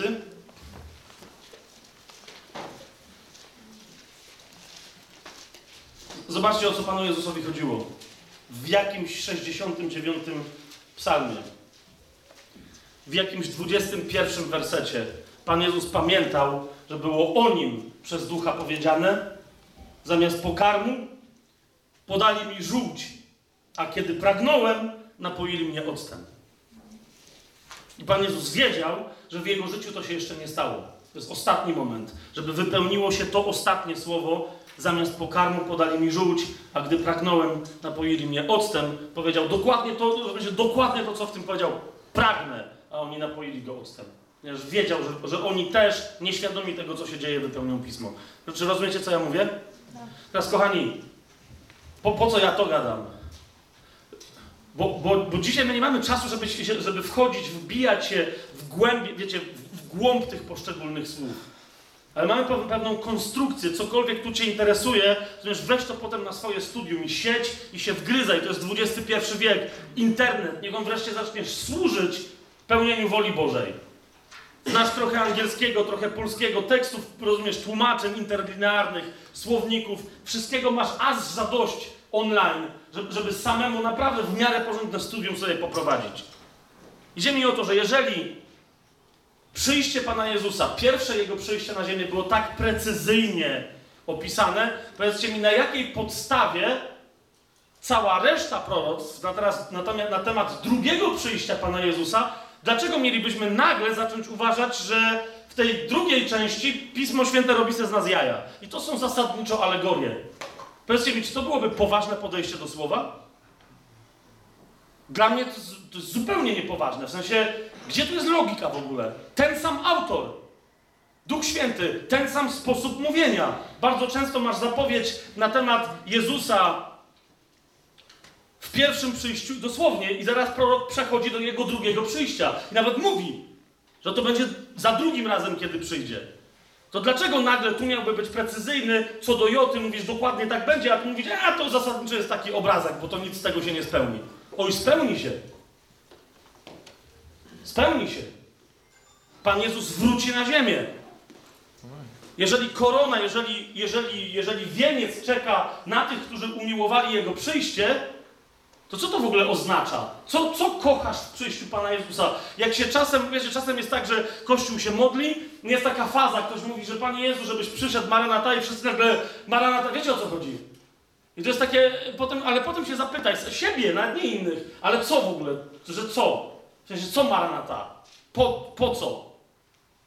Czemu krzyczysz Maranata? Co to znaczy, że ktoś umiłował przyjście Jezusa? Rozumiesz? Bo, bo Maranata oznacza, że Pan Jezus wróci ze swoimi aniołami i ze swoimi świętymi, żeby co? Żeby sądzić ziemię. On wróci na dzień gniewu. Jeżeli miłujesz Jego przyjście i jeżeli wiesz, co ono oznacza, bo, bo po prostu Pan Jezus będzie musiał wylądować na ziemi fizycznie. Słowo Boże mówi wyraźnie, gdzie Bóg wyląduje? Pan Jezus, gdzie wy... Z Krakowa jestem. Wyraźnie jest powiedziane, gdzie swoje stopy postawi, czyli na Górze Oliwnej. Wyraźnie jest powiedziane. Oczywiście niektórzy mówią, myślą, że to będzie takie stąpienie jak poszedł. Nie, bo Słowo Boże mówi wyraźnie, że zanim on tam postawi stopy, to się nad paroma krajami przeleci. Dosłownie. I z góry pozałatwia parę tematów. I Jordania się o pewnych rzeczach dowie, chociaż Jordania będzie pobłogosławiona, i Egipt się o pewnych rzeczach dowie, i jeszcze parę ościennych krajów dzisiaj ościennych izraelskich, yy, sąsiadów izraelskich. A potem Pan Jezus wyląduje. Jak wyląduje, się geografia zacznie zmieniać. Jest to wyraźnie powiedziane. Tam, gdzie była góra, ta góra pęknie, powstanie dolina. Nie w tą stronę, co wszyscy myślą. Tam jest powiedziane skąd dokąd. Jak to spowoduje, że zmieni się marsz wojsk uderzających na Jerozolimę?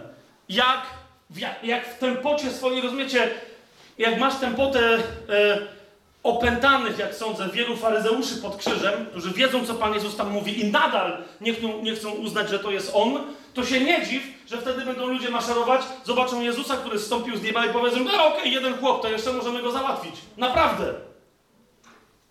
Dlaczego w ogóle tam będą mieli jacyś ludzie maszerować? Może da się to powstrzymać? Rozumiecie, co ja gadam teraz?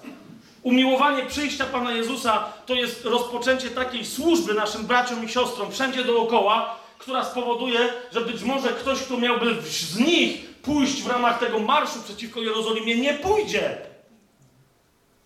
Tu dzisiaj na tej sali, teraz go nie widzę, ale się, no, widzę, okej, dobra. Siedzi jeden brat, który jest wojskowym. Jak będzie chciał, to może coś jeszcze później powie. Ale rozmowy na, mm, na tych, którzy trochę studiują Biblię, powiem wam y, w sensie na temat przyszłości, zwrócę wam na to uwagę, że koalicja tak zwanego Goga Magoga, y, która ma atakować Jerozolimę, nie jest y, wcale, ona nie, nie ona kończy ten etap wojen, ale go nie rozpoczyna. Mam zwrócić uwagę, że w psalmach jest mowa o innej koalicji krajów właśnie ościennych, znajdujących się wokół Izraela, które później, kiedy koalicja Magoga atakuje Izrael, zauważcie, że tych krajów ościennych już nie ma. Myślę, że jest to wyraźny, wyraźne zaznaczenie w piśmie, że odbędzie się jakaś wojna, w ramach której Izrael najpierw wygra, całkiem możliwe, że przez zdradę yy, ościennych terytoriów. Jest mowa o tym na przykład w księdze Izajasza, że Damaszek zniknie z powierzchni ziemi w ciągu jednego, yy, jednej nocy. Damaszek.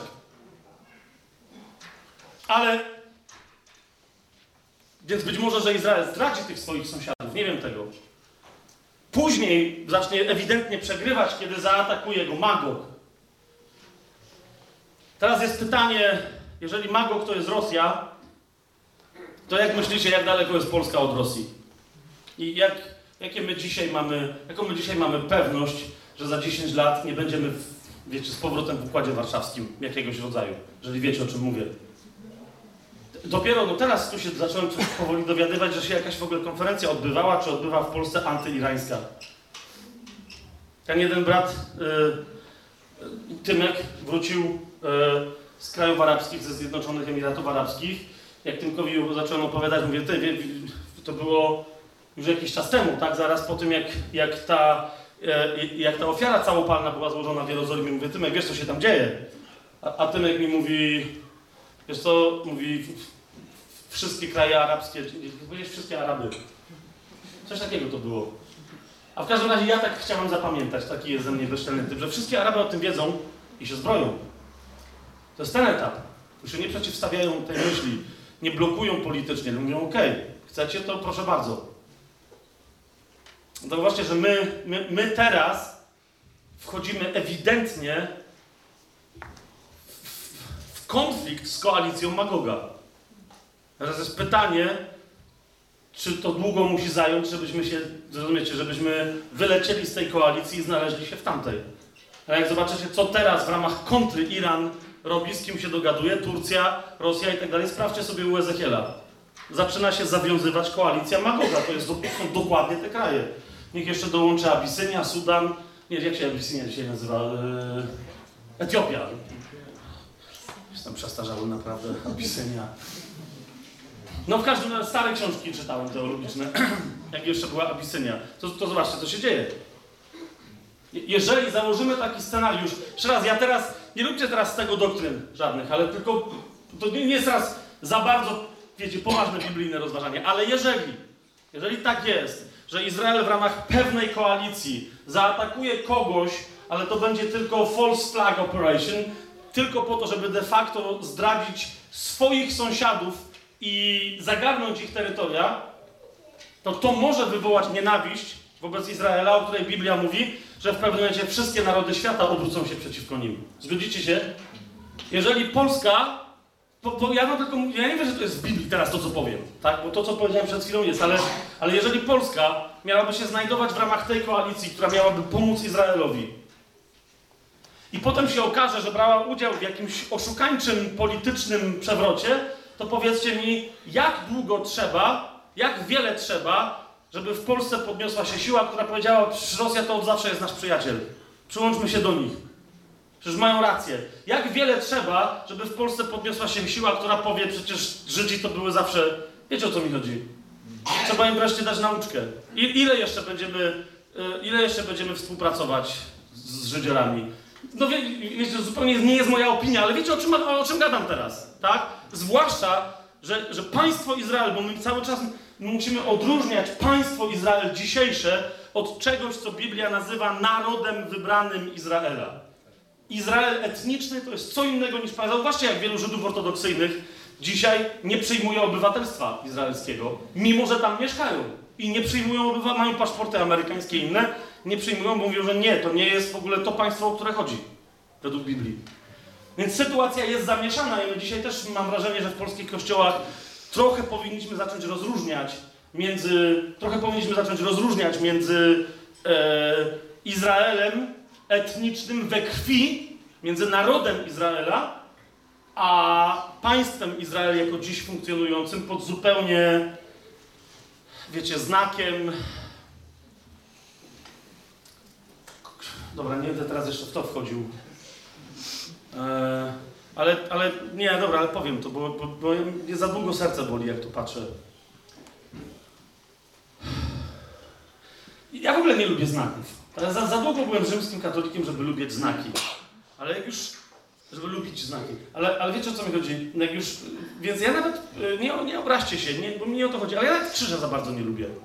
Nie chodzi mi o to, że krzyża nie lubię, tak? Tylko, że krzyż Pana Jezusa to nie jest sprawa zbicia dwóch desek w kościele i czegoś tam zademonstrowania. Krzyż to jest kwestia, czy ty na nim wisisz, czy ty jesteś ukrzyżowany dla świata, a świat dla ciebie, a nie, wiesz, czy masz krzyżyk na szyi, tak? Więc nawet w kwestii krzyża, kiedy jest tylko pustym symbolem przez kogoś noszonym, żeby, nie wiem, coś zademonstrować, to mam podejrzenie. Natomiast, jak widzę chrześcijan, którzy zaczynają się dobrze bawić pod współczesną, dzisiejszą flagą Izraela, czyli pod starym, yy, wielokrotnie wykorzystywanym w najgorszych odmianach okultyzmu, pod symbolem tak zwanej pieczęci Salomona, to, to, to jestem zdumiony, co się dzieje. Znaczy, rozumiecie, to nie jest żadna gwiazda Dawida, żeby to było jasne.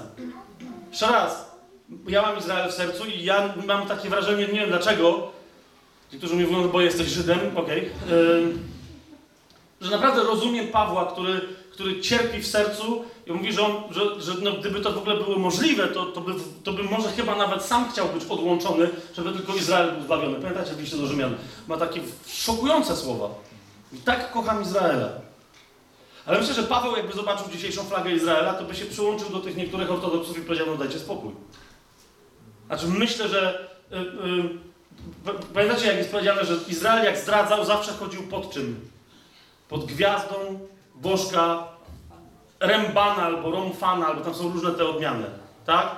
Dzisiaj wielu badaczy z Uniwersytetu w Jerozolimie, wiecie, takich świeckich, których to nie interesuje. Jest świetne opracowanie, skąd się wzięła gwiazda Dawida na fladze, na, na fladze e, państwa Izrael. E, właśnie takiego profesora zupełnie, który mówi, ja wiem, że wam się wszystkim wydaje, że to Dawid na tarczach miał ten znak, ale nie miał. Salomon też nic o tym nie wiedział. Nie ma żadnych wykopalisk, które by to pokazywały. Stary okultystyczny znak, który zaczął się pojawiać we wspólnotach żydowskich wraz z powstaniem okultyzmu judaistycznego, czyli kabały. I, I, stąd był nazywany, ponieważ w środowiskach żydowskich się pojawił pieczęcią Salomona, ale to nie miało nic wspólnego, rozumiecie, z Salomonem, tak jak masoneria dzisiejsza, mimo że mówi, że pochodzi od tych, co budowali świątynię Salomonowi, tak jasne. Na pewno. Na pewno mają wszystkie papiery, które mogą to udowodnić, rozumiecie? Oczywiście. Tylko o to mi chodzi. Tylko o to mi chodzi. Yy, ta, ta gwiazda, po prostu tak. Yy, zresztą ten profesor genialnie napisał, mówi, że ta, ta gwiazda dzisiaj powinna być dla nas święta, ale tylko dlatego, że krew ofiar Holokaustu ten znak uświęciła, kiedy nosili tę gwiazdę po obozach, wiecie. I z tym się trochę zgadzam, tak? Że to jest w tym sensie. Ja bym sam taką flagą pomachał, wiecie, na przykład w Auschwitz, wiecie o co mi chodzi, że, bo, bo to, było, to był znak, którym, którym naziści znaczyli Żydów, tak? To w tym sensie. Ale mój Boże, jak ktoś tam zaczyna kombinować, wiecie, i, i coś do, jakby przykładać do, do, do tej gwiazdy więcej niż ona rzeczywiście kiedykolwiek znaczyła, u, u. Bo jeżeli my się czasem niechcący, niepotrzebnie, a czasem potrzebnie posługujemy symbolami, to pomyślcie, z, jaką, z jakim rozmysłem symbolami posługuje się szatan. Ok? Ale wracamy, wracamy tu, wracamy tu, tu do nas. Kochani,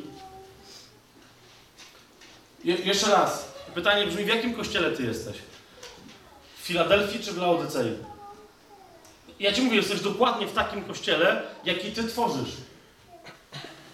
I, I rozumiesz, jeżeli, przyjrzyj się sobie, jeżeli ty jesteś osobą, do której bardziej pasuje opis Laodycei niż Filadelfii, i teraz ja wiem, że to, któż by stanął przed Panem i powiedział, a rzeczywiście jestem gnuśny. Ani gorący, ani zimny. Taki letni trochę. No ale co wszystko mam? Co, co, jeszcze, co jeszcze mamy chcieć? Rozumiesz? Pomyśl dobrze. Kto by się chciał przyznać, że taki jest? Ale ktoś się musi przyznać, bo Pan Jezus do tego kogoś mówi przyznaj się, bo mówi pokutuj. Bądź gorliwy i pokutuj. Z czego? No z tego. Z całym szacunkiem, i teraz wiecie, to będzie to z całym szacunkiem, po którym dowalę. To jest właśnie to. Z całym szacunkiem do chrześcijaństwa zachodniego, białego i czarnego, ale Europę, Amerykę Północną, Australię, Nową Zelandię, częściowo Amerykę Południową również, całą Amerykę Łacińską, tą bardziej łacińską. Z całym szacunkiem do tego chrześcijaństwa, Obawiam się, że to jest Laodycea. Pa, na, y, y, jeszcze raz, y, zróbcie mi co chcecie, ale obawiam się, że tu, jak siedzimy teraz, to jest Laodycea. Nie z naszej winy. Nie, nie z naszej winy. Bo kto by tu nie chciał być w Filadelfii? Wiecie, o co mi idzie? Tylko jeszcze raz, myślę, że Filadelfia zaczyna się w momencie, kiedy się przyznasz do Laodycei. Jeżeli krew baranka, miłość Boża ma, ma zacząć działać w nas, to się musimy przyznać do swojej gnuśności. O to mi chodzi. Musimy się przyznać do tego.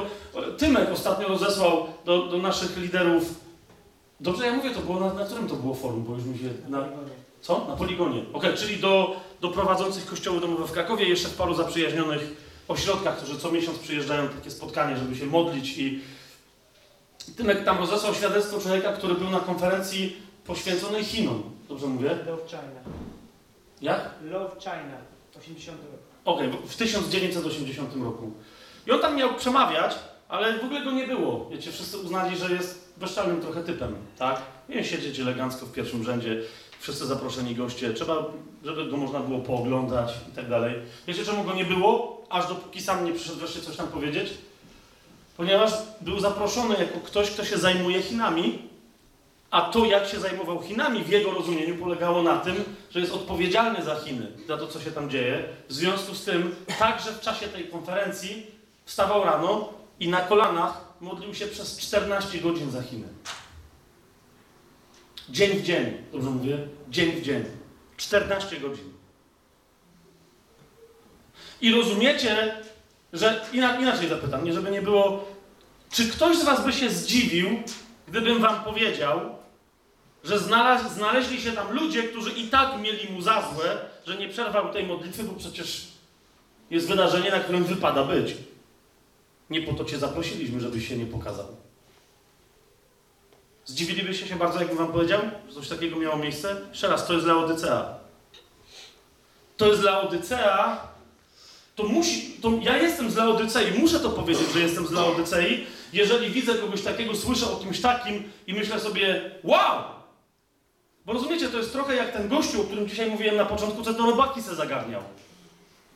Nie wiem, czy czujecie to, to jest jakby, jak my o tym w Europie mówimy, to jest heroizm. To, to nam trochę, to nam ten chłop trochę, wiecie, rzuca w twarz, nie? Na zasadzie, a ty ile się modlisz za Chiny? I ty możesz powiedzieć, że ja się nie modlę za Chiny. Ja cię rozumiem. Ale to ile się modlisz w takim razie za kościoły ym, uciśnione? Jeszcze raz, odpowiedz sobie, no naprawdę, teraz odpowiedz sobie w sercu. Kiedy ostatnio się modliłaś, czy modli... w- Nie mów na głos. Kiedy się ostatnio modliłaś za Chiny, czy modliłeś? I jak to wyglądało? Ile cię to kosztowało? Jak cię przez to duch poprowadził? Ile w tym było płaczu? Ile w tym było dotknięcia bólu Bożego? Tak, żeby poczuć ich troskę, jakbyś była, czy był razem z nimi. Ile w tym było tego, takiego doświadczenia? Teraz, jak mi powiesz, że no dobra, no niekoniecznie, jeszcze raz, ja nie, nie moim, moim zadaniem tu nie jest cię oskarżać, to jest jasne, ani siebie, to nie ma nic do rzeczy. Chodzi mi tylko o to, że dopóki my sobie nie powiemy, że na przykład to, co ja teraz powiedziałem, to jest, wiecie, Słowo Boże rzuca to na zasadzie takiej, na zasadzie, że no, przecież wiecie, że tak jest, to tylko tak przypominamy. Ja, Ojciec, ja, Syn i Duch Święty, tylko tak przypominamy. Ponieważ macie w sobie moc Ducha, krew Chrystusa, która do tego uzdalnia tak o. Jeżeli więc dla nas, rozumiecie, heroiczny jest ktoś, kto się 14 godzin przez 3 dni, dzień w dzień, po 14 godzin modli za Chiny, to znaczy, że jesteśmy Leodyceą, że tak go w ogóle postrzegamy. Jeżeli jesteśmy kościołem, który sobie regularnie musi przypominać, bo zapomina na miesiące o modlitwie za, za części ciała Chrystusa, które są upokarzane wszędzie na świecie i prześladowane, to znaczy, że jesteśmy Leodyceą. Dlaczego? Otwórzcie sobie list do Hebrajczyków, żeby, żeby, sprawa stała się jasna, do, do, do, do czego pije. Kiedyś miałem sobie zrobić taką koszulkę. Ej, zróbmy taką koszulkę w końcu. Hebrajczyków 13:3. Tylko tyle. Myślę, że jak chrześcijanie robią koszulki, to my powinniśmy, wiecie, przestać robić sobie koszulki, żeby przy ich pomocy coś sprzedawać światu. Nie wiem, czy zauważyliście, że jest taka tendencja na koszulkach, że coś tam, tak? Że my teraz coś, tak jakby miliony ludzi się nawróciły, bo zobaczyły czyjąś koszulkę, że Jezus jest cool. Myślę, że my potrzebujemy różnych napisów na koszulkach, ale tylko po to, żeby sobie przypominać, odświeżać pamięć, żeby to była nasza Hagada. Hebrajczyków 13:3 mówi: Pamiętajcie o więźniach, tak jakbyście byli razem z nimi uwięzieni. Widzicie to? Nie tak, że macie pamiętać, że o, ktoś jest uwięziony w Chinach. Tak, jakbyście byli razem z nimi uwięzieni. Jakby dzisiaj tutaj wpadło CBS, CBA albo inne NBC, albo UFC, nie wiem co by tu wpadło, ale w każdym razie to wiesz, coś by wpadło i cię zaaresztowało. Ciebie jedną. Ciebie jednego, nikogo pozostałych, tylko ciebie z jakiegoś powodu. Zamknęliby cię o co chodzi? Terroryzm. Jaki? Jesteś chrześcijanką? Tak. No właśnie, terroryzm. Jesteś w szoku kompletnym. Powiedz mi, jak bardzo chcesz, żeby wtedy modlił się za ciebie Kościół? Rozumiesz, siedzisz w tym więzieniu i ty nic nie wiesz, odcięli cię od świata. Zaraz cię mają przesłuchiwać, ty nawet naprawdę nie wiesz o co chodzi. A teraz wyobraź sobie takiego pastora, na którego oczach jest zabity jego syn, młodszy, potem starszy, najmłodsza córeczka jest zbita prawie na śmierć, ale potem wzięta, że a w zasadzie jeszcze się przyda. Potem jest świadkiem, jak gwałcą mu żonę. A potem biorą go do więzienia i się go pytają, to jak tam twój dobry Bóg jest gotów teraz ci pomóc? Jak bardzo chcesz, żeby w tym momencie modlił się o ciebie razem z tobą Kościół? Czy rozumiecie, co ja mówię teraz? Mamy świadectwo ludzi, którzy przejęci tym tylko wersetem Hebrajczyków 13:3 regularnie się modląc, otrzymali, którzy mówią, wow, jaki, no to, to nie był przywilej. Trzymali tylko łaskę wejścia wreszcie na normalny poziom takiej modlitwy. Mianowicie dostali konkretne imię i powiedzieli, módlcie się, bo, i, i, i duch do nich powiedział, żeby się modlili tak długo, jak długo on im powie, że się mają modlić. Ponieważ dzięki temu ten człowiek gdzieś tam będzie żył. Potem ten człowiek się znalazł, po ilu to było latach? Chodzi mi o tego na Syberii, który, którego tam. No a w każdym razie, to, to było po iluś tam. Zobaczcie, gość był zamknięty na Syberii przez KGB chyba, żeby nie było, że, że go zabili. W momencie, kiedy było wiadomo, że przychodzi srogi mróz, wybili okno w jego celi. Żeby potem powiedzieć, że sam wybił to okno, żeby popełnić samobójstwo. I zaczął zamarzać w tej celi. Znaczy, zaczął wołać do Boga, mówi, Panie, jak to ma być koniec, to dobrze, ale jeżeli ja mam coś więcej zrobić, to niech mi ktoś pomoże. I uważajcie, to był dokładnie ten moment, kiedy ludzie, skąd oni byli, z Tajlandii? Dziś jakiś taki azjatycki kraj, tak? nie, nie, nie rozróżniam po tych twarzach. W każdym razie, wtedy do nich duch powiedział, mówi, teraz zaczynacie się modlić. Rozumiecie? I teraz nie chcę zabrzmieć dziko jakoś, ale oni byli jego kaloryferem. Nie wiem dlaczego Bóg to tak ustawił. Rozumiesz? Ale zaczęli się modlić, a w tym dokładnie w tym momencie, w tamtej celi, gość mówi, że, że nagle poczuł powiew ciepłego powietrza. Kiedy już był skostniały prawie na... I nagle mówi, że zaczął się rozgrzewać. Po prostu wiedział, że modli się za niego Kościół. I jak przyszedł poranek, tam ci dopiero skończyli. Rozumiecie? Ci przyszli zebrać trupa, a to nagle chłop w środku siedzi i mówi, no dobry wieczór, co tam słychać? Czytam, dzień dobry. I oni mówią, ale jak to? Przecież wybiłeś szybę, żeby się zabić. A jakoś nie udało się. w co się dziś bawimy. Bo Jezus jest dobry.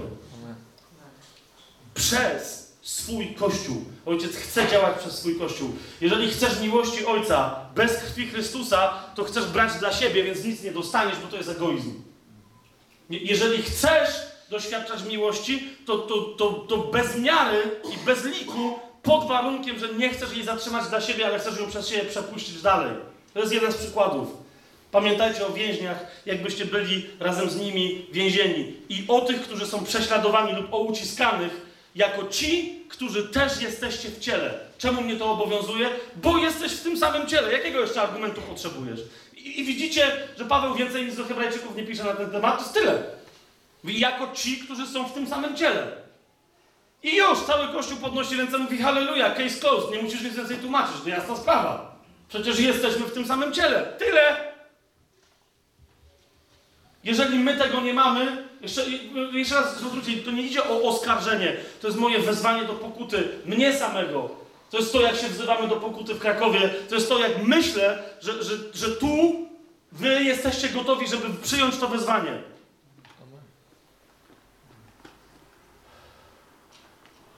Jak byliśmy tu ostatnim razem, to, co mi się stało podczas tego sobotniego wtedy spotkania, to ja nie wiem, co mi się stało. To jest nagrane, to widać, to słychać. To w ogóle było niezaplanowane przeze mnie. Ja nawet nie pamiętam za bardzo, co się stało, tylko wiedziałem, że to było ostre. Następnego dnia tu obecny, czcigodny pastor Bogdan wyszedł na, na nabożeństwie i mnie przedstawił jako w ogóle młot na wszystko, pług, coś tam, jakieś straszne rzeczy. I wyszedłem, ja, ja miałem wrażenie, że niezależnie od tego, co mnie przedstawił, jak mnie przedstawił, to to, co miał na myśli, w sensie militarnym, należało do kilkuset lat wstecz, wobec tego, co zaprezentowałem. I sam, wiecie, ja się sam powstrzymywałem, sobie myślę, Boże, weź mnie uspokój. I to szło mnie, okej, dobra. Naprawdę byłem przekonany, że to... I jak sobie siadłem, to na macie tylko spojrzałem, naprawdę pomyślałem sobie, że dobra, pastor wyjdzie i powie, okej, no to fajnie. Yy, bo tu jest prawdomówny zbór, tak? Prawdomówni, starsi, w miarę... Nie, w sensie w miarę, mówię, że w miarę z mojego doświadczenia, co ja tam wiem. Ale wygląda mi na to, że bardzo prawdomówni.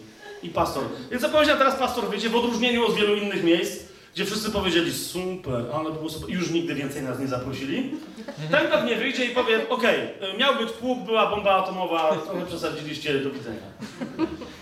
Ale, i, i chcę to powiedzieć, jeszcze raz, nie, nie, nie, nie, nie żebyście się znowu tym mieli chlubić. Jak przed chwilą celem tego, co mówiłem, nie było nikogo potępienie, tak teraz nie jest wcale wasze wywyższanie.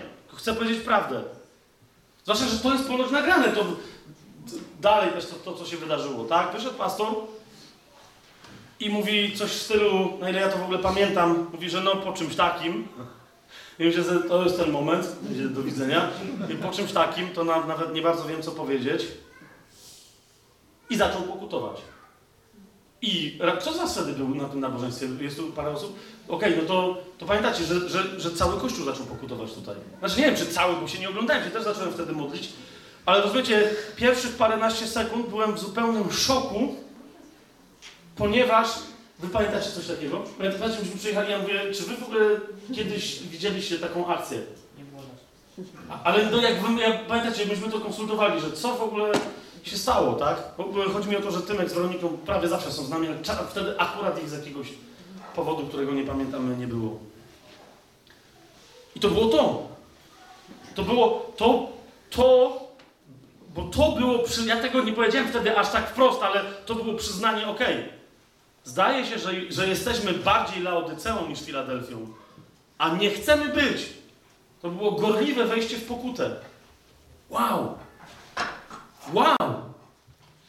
I dlatego jak teraz mówię, że, że, że odnoszę wrażenie, że tu jest y, teraz społeczność, która jest gotowa przyjąć to, co mówię. O tej Laodycei nie zgodzić się, okej, masz rację, tylko gorliwie zacząć pokutować. A nawet jak teraz na nie bardzo wiesz, to przynajmniej gorliwie wejść w wołanie do ducha, pokaż z czego mam pokutować, to jestem przekonany, że tu ma się coś zacząć. Nie, nie, że teraz, nie, że dlatego, że akurat ja coś gadam, tylko chodzi mi o to, że tu, w Gorzowie, Tu w konkretnie tym zborze, w górnej izbie. To się nagrywa i, i teraz wszyscy wasi wrogowie są teraz również moimi wrogami. Co zrobić? Ale zdaje się, że co gorsza, wszyscy moi wrogowie stali się teraz waszymi wrogami. Tego może być więcej. Także już was pochwaliłem, a teraz poczuliście pierwsze łaskotki pokuty. nie, nie, to bez żartów myślę, myślę, że pastorze, ale to nie, nie tylko teraz do ciebie mówię, bo myślę, że, że jest tu też parę osób, o których nie wiem, ale mam przekonanie w sercu, że te osoby będą wiedzieć. Wyście tu doświadczyli że są tu ludzie, niekoniecznie ci, co są teraz, ale tu też są ludzie, z którymi doświadczyliście wiele cierpienia. I myśmy dzisiaj trochę o tym cierpieniu mówili. I myślę, że to, że, że, że, że Duch mi mówi, że my się możemy tym podzielić, że jesteście gotowi na pokutę laodycejską, żeby się stać Filadelfią, żeby mieć wielką moc, bo nie zaparliście się imienia i zachowaliście słowo cierpliwości, to, to, to są tamte czasy wcale nie tak odległe, ale myślę też o tych odległych. Jak mówię, to od ciebie wiem o dwóch rzeczach, nawet nie wiem co, ale myślę, że tu jest więcej osób takich, które wiedzą, o czym ja mówię. O cierpieniu, które, które również jako Kościół przeżywaliście, jako społeczność, o, o, o, o, o, o fałszywych plotkach na wasz temat, raniących w ciele Chrystusa, o, o atakach bezpośrednich, także fizycznych i tak dalej. Teraz nie wiem, o czym mówię ale jestem przekonany, że wy wiecie, o czym ja mówię. I że, że to jest to. Że, żebyście, żebyście zrozumieli, że, że jak jest łaska, trzeba ją chwycić, trzeba ją wziąć i iść dalej. Biblia pokazuje w Starym Przymierzu zwłaszcza, a w Nowym Laodycei Pan Jezus mówi, mówi nam to samo, jak mówi o tym, że sobie kupić złota w ogniu oczyszczonego.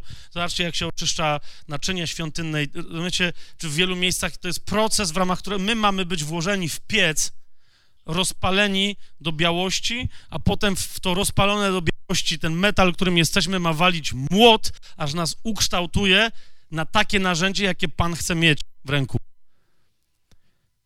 I, a potem, a potem ma przyjść ochody tylko po to, żeby to narzędzie utwardzić i wtedy ono może zacząć pracować. Ale jednocześnie, skoro to się nagrywa, to myślę, że rozumiecie, jeżeli kiedyś w Polsce miało zamanifestować się przebudzenie, bo myślę, że to przebudzenie mamy i ono podskórnie się tli i nie może się zamanifestować i wybuchnąć i objawić w całej swojej mocy swojego ognia. To nie chodzi o to, że my go nie mamy, tylko nie mamy go zamanifestowanego. Czy rozumiecie, co mówię? To na to, żeby się wypełniły te proroctwa wszystkie, które niektórzy słyszeli od lat, Niektórzy, ponieważ je słyszeli od lat, to to stało się przyczyną i kamieniem ich upadku, o który się potknęli. Jakby, mówię wam, to, to właśnie nadcho- kiedy ma być ten czas, jeżeli nie teraz, ten, tych najbliższych parę lat, a może parę miesięcy, żeby to wreszcie chwycić. Ale jeszcze raz, ten to chwyci, kto będzie w Filadelfii. Filadelfia to chwyci. Filadelfia musi mieć choć trochę mocy, żeby móc otrzymać pełnię mocy, bo kto jest wierny w rzeczach małych, tego nad wielkimi postawi wielkimi rzeczami, mówi Pan. Nie, nie dajcie się zwieść tym wszystkim ludziom, którzy stracili wiarę w działanie Pana, w nas, w naszych kościołach, w, w, w, Polsce, tylko dlatego, że jakieś proroctwo coś mówiło, a potem się okazało, że, że oni myśleli, jak to dzisiaj powiedział, że, że Bóg parę miesięcy i pozamiata, a potem się okazało, że mija 25 lat i nic. Przypomnijcie sobie wszystkie obietnice Boże w, w, w Biblii, wszystkie, dosłownie wszystkie. Zauważcie, jak wielu ludzi wiedziało o tym, że ma przyjść Mesjasz. Pamiętacie, jak, jak e, apostołom i uczniom Jezus mówi, ilu ludzi chciało widzieć to co, wy to, co wy teraz widzicie i słyszeć to, co wy słyszycie i nigdy nie widzieli ani nie usłyszeli. Pamiętacie to? Ilu proroków? Ile set i tysięcy lat wcześniej? Tysiąc, dwa, wcześniej, trzy. Zauważcie, w osobistym życiu, popatrzcie na Abrahama, który dostaje obietnicę, że będzie ojcem narodów. Po czym bidny chłop czeka 25 lat i jeszcze trochę na swojego pierworodnego syna. Żona już mówi, okej, okay, no masz to proroctwo, trzeba jakoś ci dopomóc, to może tutaj przy pomocy niewolnicy, bo ja coś nie mogę się wy, wytegować. Rozumiecie? I, I tylko namieszała. Dlaczego? No bo ona się zrobiła cyniczna. To jest Laodycea. Z całym szacunkiem teraz znowu dla Sary i teraz znowu mam szacunek. Bo jest podawana jako, jako jed, jednak w, w gronie świadków, pamiętacie w liście do hebrajczyków.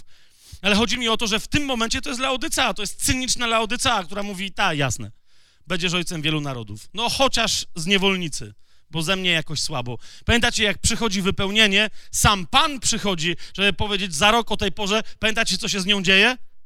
Ona ma wszelkie przejawy charyzmatyczne w namiocie obok. Tarza się po ziemi ze śmiechu. A Pan mówi, a tam co się tak śmiejesz? I ona mówi, jeszcze przychodzi, jeszcze łże w żywe oczy, bo mówi, ja? Nie wiem o co chodzi, tam kozy coś beczały, to nie, ja się nie śmiałam. Ale się śmiała, pamiętacie, że się śmiała. I za rok, o tej porze, z, jak ona mówi, zwiędłej starej baby, sama o sobie tak z hebrajskiego by to należało przetłumaczyć, co? Rodzi się syn obietnicy. Więc ktoś by powiedział, no to dobra, 25 lat, no to czekaj 20. Rozumiesz, że myśmy na pewne, pewne proroctwa nie padały na temat naszego przebudzenia 25 lat temu. Pewne padały. Ale nawet, zrozum, że nawet jak się zaczną wypełniać, przed syn obietnicy urósł i pamiętacie, co Bóg powiedział Abrahamowi? Idź go zabić. Dzie, nie, wiem, nie wiem, czemu ja się śmieję, chyba ze strachu. Coś czuję, że mnie tak dokładnie taka sama rzecz czeka. Im większy cwaniak, im lepsze ma zrozumienie tego, to tak się potem kończy. Nie śmiej się, Fabian. Idź go zabij. No to jak tego zabiję i przyjdziesz znowu powiedzieć, że jeszcze raz się pojawi jakiś syn, to teraz Sara może umrzeć ze śmiechu, naprawdę. Już nie tylko, już nie będzie wypierała, tylko naprawdę będzie się śmiała tak, że umrze. Idź go zabić, łatwo powiedzieć. Ale Abraham wie, że on jest ojcem narodów z ustanowienia ojca, który go kocha, który jest w niebie. Więc wie, że istnieje jakieś rozwiązanie. Rozumiecie, jak niektórzy mówią, że Abraham jest oszukańczy i kiedy mówi Izaakowi, ten mówi, panie, gdzie jest baranek? Nawiasem mówiąc, nie wiem, czy sobie zdajecie sprawę, że, że słowo baranek po raz pierwszy w Biblii pojawia się w ustach Izaaka, który się pyta, jest stos ofiarny, jest wszystko przygotowane, gdzie jest baranek? Na ofiarę. Pierwszy raz, kiedy pojawia się słowo baranek w Biblii. A Abraham na to pierwsze zastosowanie tego słowa mówi: Bóg sobie znajdzie baranka na ofiarę. Oczywiście wiecie o tym, a ci, którzy nie wiedzą, to niechże teraz pobłogosławią dobrego Boga, zszokowani tym, jak jest dobry, dokładnie w tym miejscu, gdzie Abraham powiedział, że Bóg znajdzie sobie baranka na ofiarę. Wiecie, że to, to miejsce później nazywa się Kalwaria. I tam, tam oddaje swoje życie baranek Boży za grzech całego świata. Bóg sobie znalazł baranka na ofiarę. Jeszcze raz. Jeszcze raz. Ten Abraham, który, który już, już trzymał nóż, żeby zabić swojego syna, wiedział, że Bóg w tym momencie znajdzie sobie baranka na ofiarę i wiedział, że w każdym innym momencie, chociażby z ludzkiego punktu widzenia wydawało się, że to jest jakiś absurd śmiercionośny, Bóg sobie znajdzie baranka na ofiarę, bo ma swoje rozwiązania, które są najlepsze. W, w tym wszystkim w tym wszystkim, siostro, i w tym wszystkim, bracie,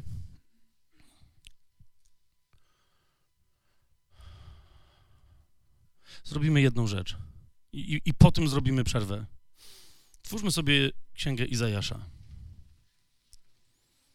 Bo, bo mamy mało czasu. Następna sesja, obiecałem, że będą pytania i odpowiedzi. Więc gdybyśmy nie mieli do tego więcej wrócić, otwórzmy sobie księgę Izajasza. Jakby ktoś jeszcze nie wiedział, na którym rozdziale, bo, bo wiecie, na którym rozdziale, nie? 52. Oczywiście, że chodzi o 53. Jakie jest Twoje miejsce, siostro i bracie? Jaki, gdzie jest Twoje miejsce? Nie, łatwo jest powiedzieć i, i głosić, wiecie, jest mnóstwo tego głoszenia. Ja się z nim zgadzam, to nie o to mi chodzi, ale łatwo jest powiedzieć, że najbezpieczniejsze miejsce na świecie jest dokładnie w samym środku pełnienia woli Bożej. Jak pełnisz wolę Bożą, to zawsze jesteś w miejscu i w czasie, w którym jesteś najbezpieczniejsza, najbezpieczniejszy na świecie. Jesteś tam, gdzie trzeba. Bo jeżeli to jest miejsce, kiedy masz oddać życie, no to, to już tyle, to już, to już jest tyle. Ale jeżeli to nie jest miejsce, kiedy masz oddać życie, to nikt ci go nie weźmie. Ponieważ pod krwią baranka, dlatego, że wiecie, wolę Bożą się pełni tylko pod krwią baranka. Ale zobaczcie, bo baranek, jeżeli jest barankiem, rozumiecie, że jest barankiem paschalnym, nie może być żadnym innym barankiem. Tak? List do Hebrajczyków mówi, że myśmy przystąpili do pokropienia krwią. Piotr, chyba w pierwszym liście, jak pisze swoje pozdrowienie, mówi, przywołuje pokropienie krwią, ale pamiętajcie, pokropienie krwią, kiedy się pojawia to określenie w Nowym Przymierzu, odnosi się do pokropienia krwią cielców, krwią byków, którą to krwią pokropił Izraela, całego Izraela krzyczącego Amen, Mojżesz pod górą Synaj. Pamiętacie to? Jak nie, to to jest, to jest paręnaście rozdziałów po, po pasrze i po wyjściu, po przejściu przez Morze Czerwone pod górą Synaj. On im czytał prawo całemu Izraelowi. Izrael odpowiadał na to Amen i on ich pokropił krwią i mówi, to jest krew przymierza, którą właśnie za, które właśnie zawarliście. Potem Jezus mówi, a to jest krew nowego przymierza. Ale, ale rozumiecie, ona jest we krwi baranka, ale jest we krwi Jezusa, która jest większa niż tylko krew baranka. To jest krew baranka, który jest też lwem Judy. Lew Judy jest większy od wszystkich baranków, cielców, kozłów i jakichkolwiek innych ofiar. O to chodzi. A więc jak się zbliżyliśmy, chodzi mi tylko o to, że jak się, ale zaczyna się wszystko od krwi baranka, potem wygrywa się przez krew Jezusa, przez krew baranka. Zauważcie, co, co miało być pokropione krwią baranka na paskę, żeby nie przyszedł anioł śmierci i żeby nie wziął pierworodnego? Czyli co? Ja nie, się nie znam na budownictwie. Chodzi mi o to, że to jest ta deska na górze i te dwie po bokach. Nigdy, pod żadnym pozorem, ani jedna kropla krwi nie miała spaść na próg. Zwróćcie na to uwagę. Dlaczego? Ponieważ się nie chodzi po krwi baranka. Nie chodzi się po krwi. Na tym polegało między innymi aspekt posłuszeństwa. Pokropcie hizopem. Potem pamiętacie, Dawid, jak mówi, pokrop mnie hizopem, a stanę się czysty. Hizopem zanurzycie wiązkę hizopu we krwi baranka i pokropicie górę i boki, ale nigdy, nigdy pod żadnym pozorem progu, bo się nie chodzi po krwi baranka. Nie przechodzi się przez krew baranka. Zawsze się idzie pod krwią baranka. Wychodzi się pod krwią baranka. Jasne? Tylko i wyłącznie pod tą krwią. Nikt nie może stać nad tą krwią. Jak będzie próbować, to się wywali. Ponieważ to jest szczyt, na który się nie wchodzi. Krew baranka. Ale, ale, ale, yy, bo, bo, my nie, yy, nie będziemy... W ogóle, wiecie co, weźcie, weźcie, weźcie sobie, przeczytajcie... Yy, historię wyjścia, ale naprawdę zapomnijcie o tym, że to jest wyjście Izraela z Egiptu, a, a, zacznijcie czytać, jakby każdy wyraz tam to było proroctwo na temat Jezusa. Zobaczcie, kiedy, kiedy Izrael miał przygotować baranka. Miał go zabić 14 dnia miesiąca Nisan, czyli Awiw, tak? Ale od kiedy miał mu się przyglądać, czy nie jest jakiś bo, bo to musiał być baranek bez skazy. Nie mogło się okazać, że ma, wiecie, zwichnięte biodro czy coś, że potem się okaże, że kuleje na jedną nóżkę. Nie, to musiał być baranek bez skazy. Dlaczego? Dlaczego? Ponieważ był figurą Chrystusa, który właśnie dlatego mógł złożyć ofiarę za ciebie i za mnie, bo był bez najmniejszej skazy, bez najmniejszego grzechu. Więc oni dlatego sprawdzali, rozumiecie, jeżeli był taki baranek, to znaczy, że ten baranek miał prawo i dlatego już potem nikt nie sprawdzał jego krwi. Ta krew była właściwą krwią. Jak dosłownie każdy szczegół tego obrzędu, jak zobaczycie, jest proroctwem. Zobaczcie, że dokładnie tyle dni, ile trzeba było się przyglądać barankowi i go testować, prowadzać go patrzeć z każdej strony, czy naprawdę jest bez skazy. Zauważcie, ile dni, to jest dokładnie ten sam czas, kiedy cały Izrael przyglądał się barankowi, Jezus przed swoją śmiercią, przed, przed ostatnią wieczerzą chodzi do świątyni, pamiętacie? Wszystkie najgorsze kłótnie z saduceuszami, faruzeuszami, próba złapania go na słowie, na jakimś twierdzeniu, odbywają się dokładnie w dniach, kiedy Izrael, każda rodzina przyglądała się swojemu barankowi. Rozumiecie, co się dzieje? Jeszcze raz, nie będę tego rozwijał, ale jak jest powiedziane, że baranek jest barankiem paschalnym, a jakby ktoś miał wątpliwości, to chociażby zobaczcie sobie w pierwszym do Koryntian, cały czas pamiętając o tym Izajaszu, także tam palcem zakładamy, ale w pierwszym do Koryntian, w piątym, w piąt, bo, bo ktoś mi ostatnio zarzucił, że, że Jezus nie jest paschą, to może być jakimkolwiek innym barankiem, okej, okay, ale pierwszy do Koryntian, piąty rozdział, mówi wyraźnie, siódmy werset, usuńcie więc stary zakwas, abyście byli nowym ciastem, co jest odniesieniem do święta przaśników, które się zaczyna zaraz po pasrze, tak? Przaśniki się zaczynają po prostu 15 yy, Awiw. Więc stary zakwas, abyście byli nowym ciastem.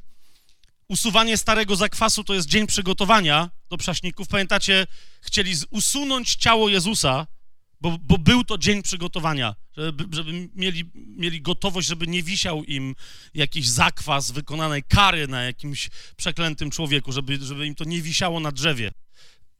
Usuńcie więc stary zakwas, abyście byli nowym ciastem, jako że jesteście przaśni. Chrystus bowiem, popatrzcie na to, nasza pascha został ofiarowany za nas. Więc Chrystus jest naszą paschą, jest naszym barankiem. To jest krew pod którą chodzimy. I, I, ta krew ma Tobie służyć. Rozumiesz? Jakbyśmy mieli 16 godzin chociaż, to byśmy mogli się temu bliżej przyjrzeć. Konkretnym aspektom i rodzajom zastosowania krwi Chrystusa. Jeżeli ktoś z Was teraz powiem coś, jeżeli ktoś z Was, bo tu mogą być ze dwie, trzy osoby, które naprawdę mogą, mogą się tym poczuć zainspirowane. Zauważcie, w, w, w paru miejscach jest mowa o siedmiorakim pokropieniu, czy siedmiokrotnym pokropieniu w Starym Testamencie. On, to ma swoje znaczenie. Chrystus, nie wiem czy zauważyliście, dokładnie tak, żeby jego krew siedem razy spadła na Izraela, a przez jego dzieło na nas, Chrystus siedmiokrotnie wydzielał z siebie krew, a więc kropił swoją krwią na różne sposoby. Jeżeli ktoś z was chciałby, y, czuje się teraz zainspirowany przez Ducha Świętego, nie przeze mnie, to niech sobie to sprawdzi. Począwszy od pierwszego wylania krwi Chrystusa w y, ogrodzie Getsemani, Zauważcie, on się pocił, pocił potem normalnym i krwią. Zaczął od tego, że krew była zmieszana z wodą. Jeżeli ktoś z Was jest naprawdę bardzo dogłębnym studentem, to już wie, o czym mówię. Tak? Jak, jakie święto mieszało co z czym. Jego krew, krew była zmieszana z wodą, z potem. I zauważcie, że ostatnie wytryśnięcie krwi Chrystusa po jego śmierci to była też krew z wodą. Pamiętacie? Zaczęło się od krwi z wodą i skończyło się krwią z wodą. I mówię wam, ale to są dwa Chodzi mi o to, że za każdym razem Jezusowi siedmiokrotnie działo się coś, co powodowało kolejny upływ krwi w nowy sposób. I, i, i, i, ten upływ krwi ma swoje znaczenie głębokie, na, na które Słowo Boże wyraźnie wskazuje.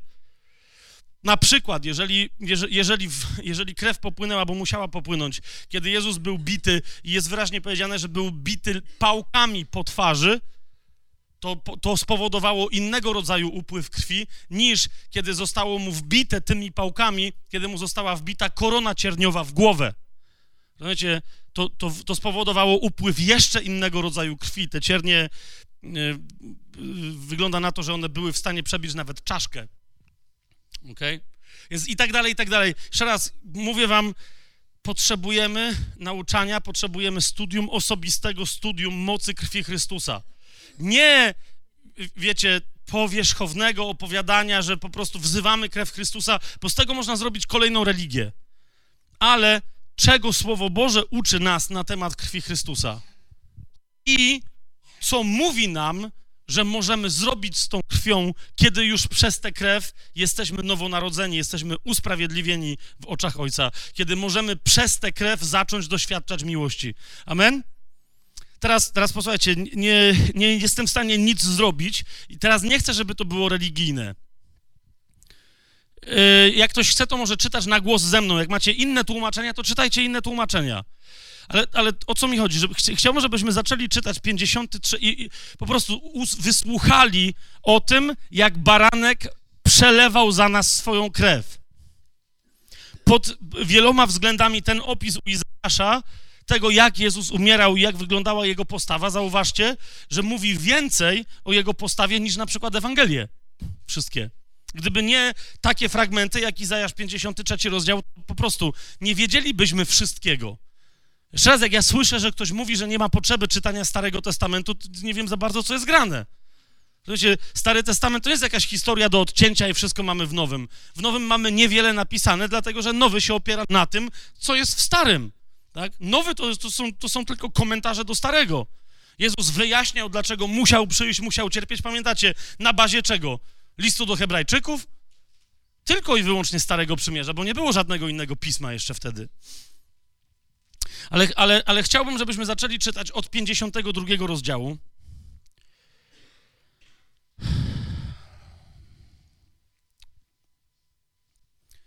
Komentarz do tego, co się, co się zacznie dziać, bezpośredni, to jest 52 rozdział Izajasza, 10 i 11 werset. Izajasz mówi tak: Jahwe obnażył swoje święte ramię na oczach wszystkich narodów i wszystkie krańce ziemi zobaczą zbawienie naszego Boga. Gdzie się to stało? Na Kalwarii. Odstąpcie więc, odstąpcie, wyjdźcie stamtąd, nieczystego nie dotykajcie, wyjdźcie spośród niego, oczyśćcie się, wy, którzy nosicie naczynia Jahwe. Pamiętacie, jak później Paweł wielokrotnie mówi, że my jesteśmy naczyniami, kruchymi, które noszą w sobie nieprawdopodobną moc.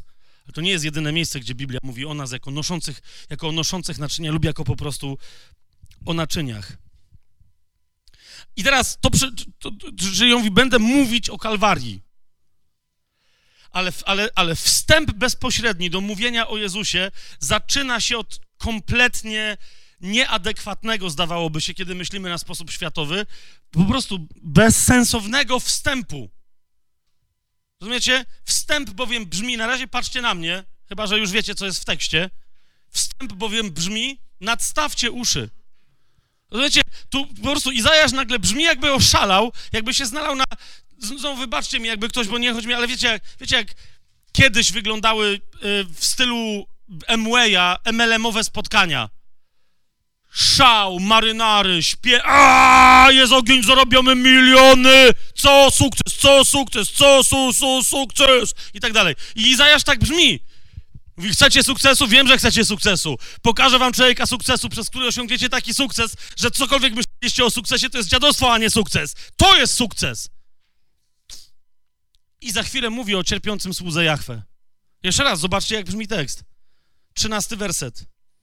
Oto się szczęśliwie powiedzie mojemu słudze. Co? Co mu się szczęśliwie powiedzie?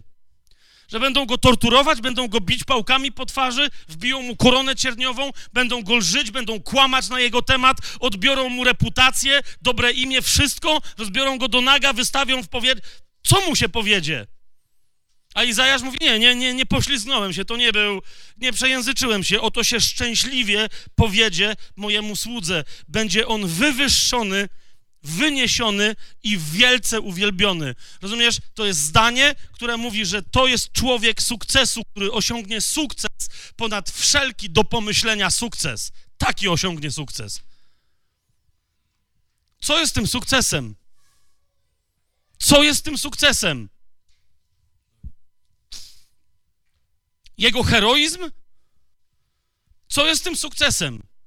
On mówi, oto szczęśliwie, mówi, o, to jest rozpoczęcie, w języku hebrajskim, oto rozpoczynam epos, oto rozpoczynam pieśń o bohaterze, któremu się powiedzie i w tej historii zobaczycie, jak mu się powiedzie. Nikomu nigdy się tak nie powiodło, jak jemu się powiedzie. Oto się szczęśliwie powiedzie mojemu słudze. Będzie wywyższony, wyniesiony i wielce uwielbiony. Jak? I czternasty werset się zaczyna. O, jak wielu przeraziło się z jego powodu, że zeszpecono jego wygląd bardziej niż jakiegokolwiek innego człowieka. Tutaj jest w domyśle, że został oszpecony, został zmasakrowany jak nikt inny ze znanych ludzi w znanej nam historii. Przeraziło się wielu z jego powodu, że zeszpecono jego wygląd bardziej niż innych ludzi, a jego postać bardziej niż jakiegokolwiek syna człowieczego. Tak też pokropi wiele narodów. Czym? Swoją krwią. Z tego wyglądu, rozumiesz? On był tak oszpecony, bo nie został ani centymetr kwadratowy na jego ciele, dosłownie, włącznie ze stopami, z piętami. Nie został ani centymetr kwadratowy na jego ciele, który by nie był w taki czy inny sposób porażony, przebity, przekłuty, z którego nie byłaby zdarta skóra. Rozumiesz? Krew leciała z niego z każdego centymetra kwadratowego miejsc, gdzie powinna być skóra. I tą krwią, w ten właśnie sposób rozpoczyna swój sukces, bo co zrobi? Bo to jest jedyny ratunek dla mnóstwa narodów. Pokropi wiele narodów. Królowie zamkną przed nim swoje usta. Dlaczego? Dlatego, że ujrzą to, czego nikt im nigdy nie powiedział. I zrozumieją coś, o czym nigdy wcześniej nie słyszeli. Rozumiesz, zostanie ujawniona tajemnica. Jaka? Nieprawdopodobna do tego stopnia, że Izajasz mówi, oni to zobaczą, ale mówi, kto uwierzył naszemu głoszeniu? Komu jest objawione ramię Jahwe? Bo mówi, ja, to, co ja teraz gadam, wobec tego, czym to jest, jest, rozumiesz, dzisiaj znam chrześcijan, którzy chodzą po Jerozolimie i, i czytają ten fragment Żydom. Rozumiecie, że mnóstwo Żydów, włącznie z religijnymi Żydami, którzy mówią, że znają Biblię, rozumiecie, że nie znają 53 rozdziału Izajasza? Widziałem parę takich, takich sytuacji, rozumiecie, pytanie, okej, okay, ktoś czyta, czyta, czyta, widziałem na przykład Żyda ortodoksyjnego, który, on mówi, że co, co będziesz mi czytał? Biblię. O, to bardzo chętnie. Y, człowiek, który mówi po hebrajsku, zaczyna mu czytać, rozumiecie, i on w pewnym momencie wie, co słyszy. Widać z początku, że pierwszy raz słyszy i w pewnym momencie tego tekstu, który teraz czytamy, odwraca się napięcie i odchodzi, wściekły, ponieważ wie, o kim słyszy. Masz innych ludzi, którzy na pytanie, kto to jest, bo, bo wiecie, jak już trzeba rozważać, rabini mówią, to jest cierpiący Izrael. Jeszcze raz, jedź do Izraela, jak znasz hebrajski, przeczytaj jakiemukolwiek wierzącemu czy niewierzącemu Żydowi. Kto to jest? I oni powiedzą, o, to jest Jezus. To Jezus jest w Biblii? Rozumiecie, oni wiedzą, że to jest Jezus, oni wierzą, że to, nie, to jest Jego historia ten Mesjasz, który przyjdzie, ma być Mesjaszem zwycięskim i tak dalej, ale to jest Jezus, to jest ewidentnie Jezus. Tylko jak docierają do końca tego tekstu, mówią, ups, ale z końca tego tekstu wynika, że ten Jezus to jest ten Mesjasz, na którego my czekamy, który musiał przez to przejść. Czemu nas robią w konia? Niektórzy mają taką reakcję, jeszcze inni się zamykają, bo pada pytanie, jeżeli wiesz, że to jest Jezus, to co z tym zrobisz? Tylko, że roz ich umysł i ich serca są, jak mówi Paweł, mogą być zaciemnione i mają prawo być zaciemnione do czasu, aż wejdzie pełnia pogan. A, ale ty jesteś z pogan. Rozumiesz, ile z tego, ja się cieszę, że jesteś osobą zbawioną, tak jak ja się cieszę, cieszę, że jestem osobą zbawioną, ale ile z tego jest naszym teraz obowiązkiem, ile z tego jest naszą mocą, z której nie korzystamy. Rozumiesz, gadamy z chrześcijanami i się pytam, komu ostatnio świadczyłeś. Nie chodzi mi o agresywne, ale wiesz, chociaż za ile osób się modlisz o to, żeby krew Jezusa na nich spadła i ich dotknęła. No wiesz, ludzie są tacy zamknięci, Polska jest trudna, to jest katolicyzm. No wiesz, wyobraź sobie taką sytuację, że mamy w Polsce chorobę, jedną chorobę, ona się rozlała po całym świecie, to jest śmiertelna choroba. Ludzie będą umierać bardzo długo w straszliwych torturach. Jedni 10 lat, inni 60, ale na końcu wszyscy umrą, a jak umrą, to jeszcze pójdą do piekła. Ale na razie chodzi mi o to. I wyobraź sobie, że masz lekarstwo. Rozumiesz? Masz przy sobie butelkę krwi Chrystusa. Teraz nie możesz kogoś wylać, na kogoś wylać tej krwi, ale możesz go zapytać, możesz powiedzieć, posłuchaj, to jest lekarstwo, zobacz, ja jestem zdrowy. Czy chcesz skorzystać z tego lekarstwa? Powiedz mi, jak masz taką odpowiedzialność, a twoja odpowiedzialność jest większa i moja niż to, niż leczenie ludzi z jakiejś śmiertelnej choroby. Bo to jest śmiertelna na wieki choroba. To rozumiesz, to, to ktoś powie, że no tak, ale oni mnie wyśmieją. Ludzie, którzy są chorzy, którzy cierpią, którym się rzuciło na łeb, Jasne, że mogą cię wyśmiać, mogą cię nawet zabić, powiedzieć że kłamiesz, że to nie jest lekarstwo, że jesteś sprzedawcą trucizny. Rozumiesz? Ale ja się ciebie pytam, czy ich postawa jako ludzi oszalałych z zaciemnionym umysłem ma ciebie powstrzymać przed tym, żeby ich ratować. Rozumiesz, o czym mówię? A może twoje miejsce jest jeszcze gdzie indziej z tą krwią? O to mi idzie. Kim jesteś, siostro i bracie?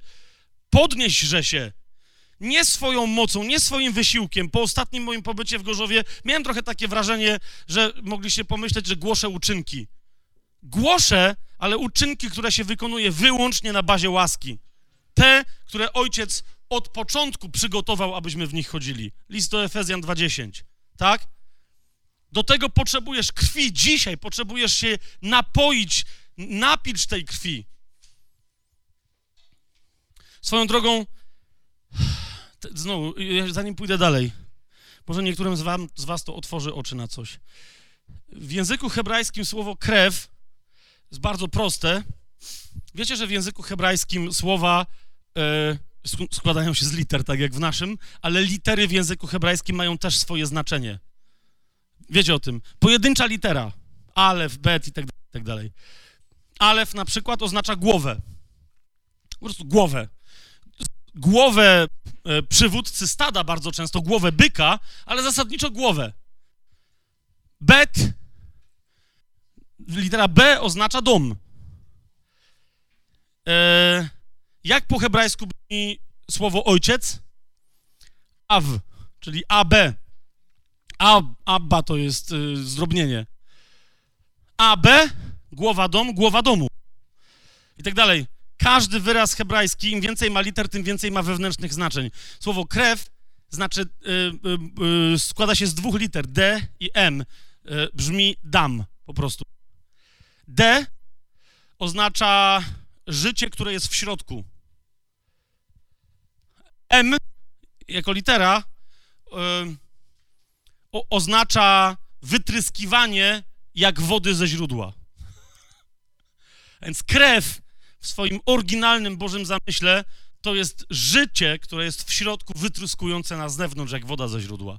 To jest krew. Ale teraz uważajcie, teraz wam powiem dopiero coś, co mnie całkiem niedawno oświeciło, jak się temu przyglądałem. Otóż ten wyraz oznacza krew i tylko i wyłącznie krew. Krew, wiecie, ssaka człowieka, krew. Czerwona, wypływająca krew.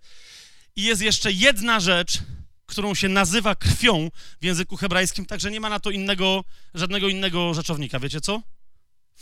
Sok z czerwonych winogron. Nie nazywa się sokiem, ale krwią. Wiecie, jak Jezus bierze wino z winem, jeżeli on mówił po hebrajsku, a nie tak, bo w, bo w jakim języku w tej uroczystej chwili miał mówić, jak powiedział, to jest moja krew, to, to, to jednocześnie powiedział, całą prawdę. Powiedział, to jest moja krew i to jest moje, to jest sok moich winogron. Eee, da, dalej nie łapiecie. Jeszcze, zaraz, nie, nie, idziemy dalej. Bo my jesteśmy w katolickim kraju i zawsze się trzeba z ludźmi kłócić o to, że ale ten chleb, czy to czasem nie jest ciało. Wiecie o co mi chodzi? Że, e, może to jednak jest paznokieć Pana Jezusa, tam oko. Nie, ciało jest jedno. Pierwszy do Koryntian mówi wyraźnie, że ciało jest jedno. Że w duchu zostaliśmy wchrzczeni, zanurzeni w co? W jedno ciało i jednocześnie, jak zobaczysz tam w języku greckim, to oznacza, że bo nie ma dwóch ciał, nie ma dwóch rodzajów też ciał, jest jedno ciało Chrystusa. I co to jest? Kościół. Nie może być ciała Chrystusa jako kościoła i ciała Chrystusa jako chleba, które się zamieniło w mięso, chociaż tego nie widać. Ale teraz uważaj. Czym więc jest wieczerza, kiedy Jezus mówi: To jest moje ciało? Bierzcie i jedzcie, to jest moje ciało. I to jesteście wy. Jeżeli łamiecie ten chleb w pokoju między sobą, w miłości. Pamiętacie, czemu Paweł przypomina, jak ma wyglądać wieczerza? Bo mówi: Złazicie się i się, i się nawet nie szanujecie.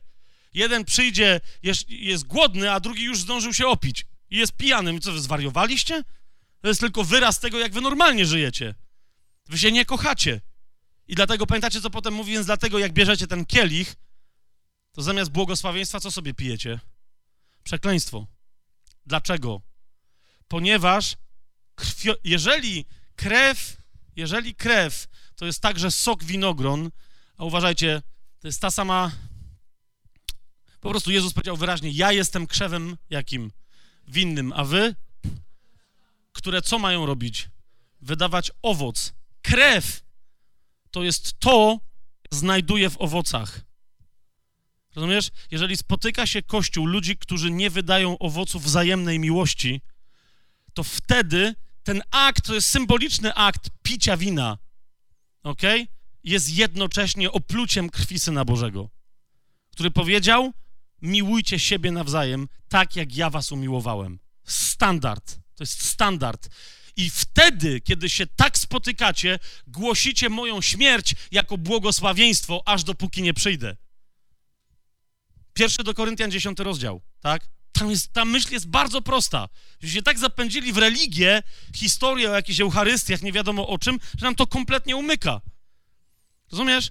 Wieczerza jest testem, jednym z testów miłości. Na ile ty, człowiek, który nie pełni woli Bożej, nie będzie też mieć naturalnych inklinacji do tego, żeby kochać braci i siostry, będzie się nimi frustrować. Jeszcze raz, dlaczego my się sobą nawzajem frustrujemy? Pewnie dlatego, że nie jesteśmy na swoim miejscu, po prostu. Rozumiesz, wkurzasz się w innymi, widząc w nich taki sam bezład, jaki masz w swoim życiu. To jest to. To jest dokładnie to. W momencie, kiedy zaczynasz pełnić wolę Bożą, nagle nabierasz łagodności, cierpliwości, zaczynasz kochać innych i litować się nad nimi, jak Jezus się nad ludem litował. Naprawdę. Jak nie, mówisz, ale ja nie jestem w stanie, mnie tak denerwują. To rozumiesz, to, to zmień to środowisko. To znaczy, że w ogóle nie jesteś tam, gdzie Bóg cię chce mieć. Wtedy się go zapytaj przez moc krwi Chrystusa.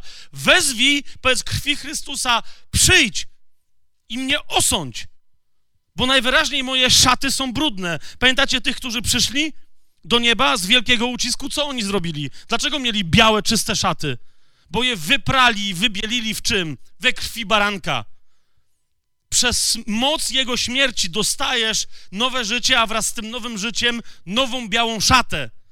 Ale widzisz, kościół w Laodycei nawet nie tylko, że ją pobrudził, tam jest inny kościół, który pobrudził swoją szatę, pamiętacie?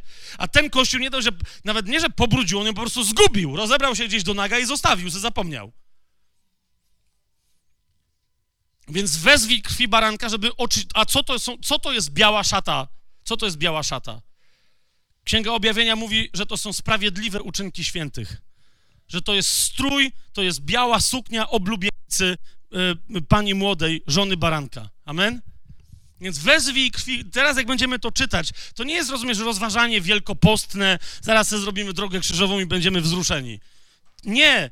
Chcę, żebyśmy przeczytali ten fragment, żeby skonfrontować się z płynącą z niego krwią Chrystusa, która zawsze pobudza wiarę, żeby się skonfrontować z pytaniem, jak teraz ten cierpiący Mesjasz mocą swojej krwi ma osiągnąć w moim życiu sukces, bo Słowo Boże mówi, oto się szczęśliwie powiedzie mojemu słudze. Jak szczęśliwie mu się powiodło w zbawieniu twojej duszy? Widzę, że szczęśliwie, skoro siedzisz w porządnym protestanckim zborze. Teraz moje pytanie brzmi, jak szczęśliwie powodzi mu się teraz dzieło Twojej rozumnej służby Bożej, która polega na pełnieniu woli Bożej. Jak mu się w tym powodzi? Wybacz, ale tak patrzę po tych inteligentnych twarzach, nieco smutnych i myślę, że nie najlepiej się Panu Jezusowi w naszym życiu powodzi. Jak, okej, okay, dobra, odwal się od mojej twarzy, odwalam się. Czemu tych tak przepięknych twarzy w tym tak dobrym zborze jest jest tylko 180 tysięcy. Jak powinno być przynajmniej ze 2 miliony. Na Gorzów? Jak się Gorzów sam jeden, jedyny w Polsce nawróci, to ludzie tu będą zjeżdżać ze Słowacji. Rozumiesz, z Węgier. Tyle.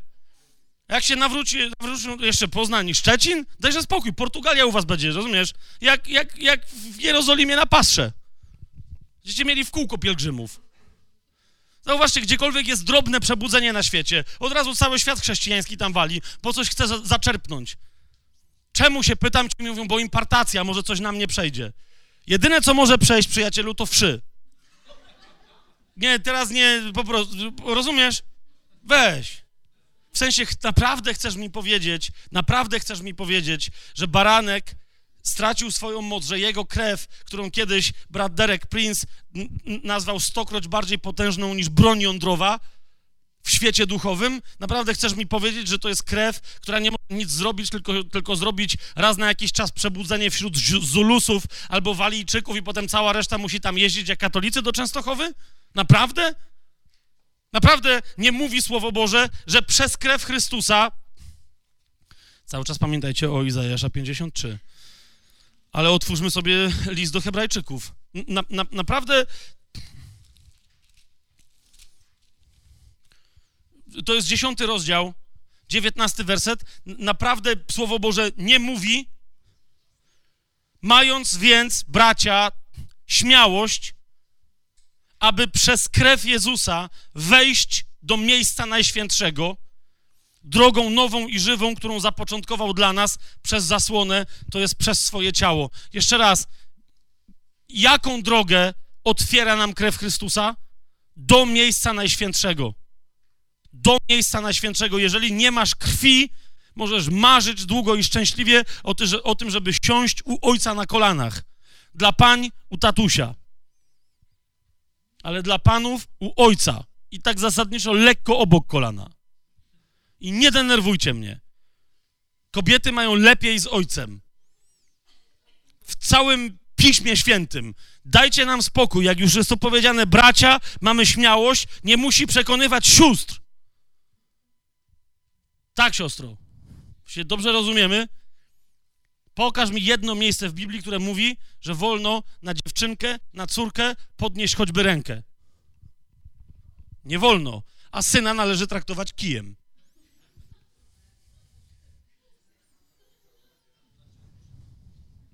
Stąd też wiemy, że jak Pan Jezus mówi tych, których kocham, karcę i ćwiczę, to ma na myśli mężczyzn, ma na myśli braci, a nie braci i siostry. I nie mówię tego po to, żeby teraz podnosić tutaj jakąś demonstrację feministyczną, pseudo, tylko tak jest w Biblii. Ale jeszcze raz, bo nawet kobietom to jest potrzebne. Bez autentycznego przyjęcia krwi Chrystusa i całego jej znaczenia nie, nie błądzisz. Przez krew natomiast masz śmiałość, jest. Że ja kiedyś tłumaczyłem nawet, że bezczelność, ale to nie chodzi, wiesz, bo bezczelność po polsku znaczy, że bez czci coś robisz. Oryginalnie w Grece to jest słowo, które oznacza e, w, e, wolność słowa. Coś w tym stylu, że ktoś może bez żadnej cenzury mówić, co chce na publicznym zgromadzeniu. Więc mając, bracia, wolność słowa przez krew Jezusa, gdzie wchodząc do miejsca najświętszego. Rozumiesz? Przez krew Jezusa wchodzisz do miejsca najświęt- najświętszego przed Ojca. Tam jest paru cherubów, którzy stoją tyłem, mają specjalne tylne oczy. I wanna see what the creatures see. Mają różne boczne oczy. Rozumiesz? I wszyscy się kiszą z świętej zazdrości, bo widzą spusta sala tronowa i nagle jest pum! Rozumiesz? Przez portal, bo siedzi Pan Jezus i ma krew swoją przez tą krew, przez jego ciało, bum! Rozumiesz, nagle stajesz przed ojcem, mówisz, cześć tata, jest sprawa. Ewentualnie, panowie, to jest cześć tata, no nie? Nie żaden tatuś. Nie żaden tatuś, to jest dla dziewcząt tatuś. Dla ciebie jest ojciec w ogóle, nawet nie tata. Jest... Bóg cię kocha jako ojciec. Czujesz to powoli? Po- Weź to przez wiarę. Masz taką, rozumiesz? Aniołowie muszą skradać, muszą podchodzić, a ty po prostu stajesz bezpośrednio, tam stajesz, na to, jak jesteś kobietą, to lądujesz u ojca na kolanach. Ok? I od razu bierzesz, rozumiesz, do... Wiecie, jak, wyobraźcie sobie dwór takiego staro, dawnego, wschodniego satrapy. Wiecie, o co chodzi? Że trzeba było się położyć, nie wolno było go po, podczołgać ruchem dżdżownicy i tam, o panie, Rozumiesz? I to jest, bo to bo, bo to jest to, co, rozumiesz, to jest Bóg, to jest majestat Boga, w sensie, on tak nie, ale chodzi o to, że Jego świętość jest powalająca, jest przytłaczająca. Teraz wyobraź sobie, że tak się wijesz do takiego satrapy, jakiegoś Dariusza II, coś próbujesz załatwić, najbliższe miejsce, do którego możesz podejść, bo już się tak wijesz 140 metrów. Rozumiesz? A jest drugie 140 metrów, jest specjalna tuba, do której ty mówisz, e, halo, tu uniżony sługa, dżdżownica Fabian, Rozumiesz? I on mówi, no bo mów szybko, bo nie mam czasu. I teraz ty zaczynasz coś gadać, bo ja bym właśnie najjaśniejszy panie chciał, a w tym momencie wlatuje mały Dariuszek. Nie, nie, nie, nie. Jego syn. I on to ma gdzieś, że ty się tam wijesz przez pół godziny, że zasadniczo właśnie dzisiaj kończy czas, bo ty kończysz tytuły najjaśniejszy panie władco żmudzi i królestwa inflant i rozumiesz, a tu wpada synek i mówi, tato, jakiegoś lizaka bym chciał, ale takiego lepszego, bo te mi się znudziły. I rozumiesz, i ojciec natychmiast, to jest ta bezczelność, o którą chodzi, rozumiesz, ta wolność słowa. On natychmiast nie interesuje dżdżownica, jego interesuje kto? Jego dziecko, jego syn. Odwraca się i mówi, co cię teraz, synu, interesuje? I ty mówisz, taki lizak y, meksykański, taki y, pikantny, taki z chili.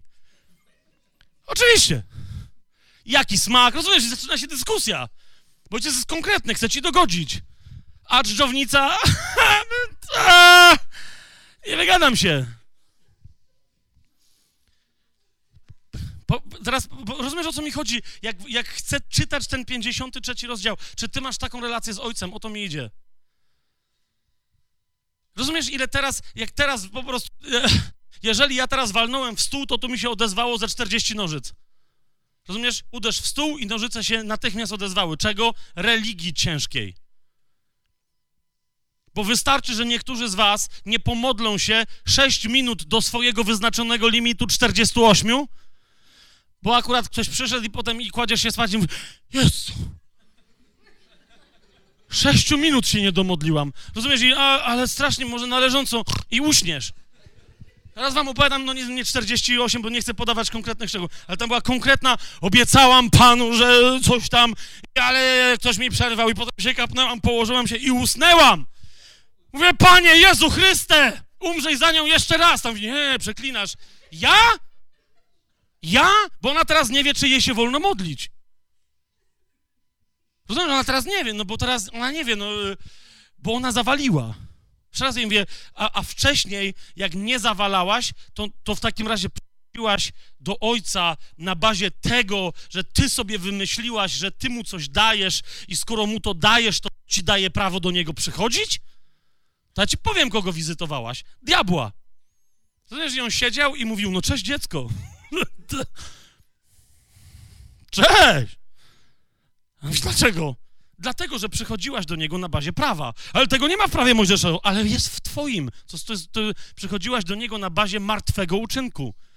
Jaka jest jedyna nowa, żywa droga do Ojca, który cię miłuje, która jest zawsze pewna? Jaka?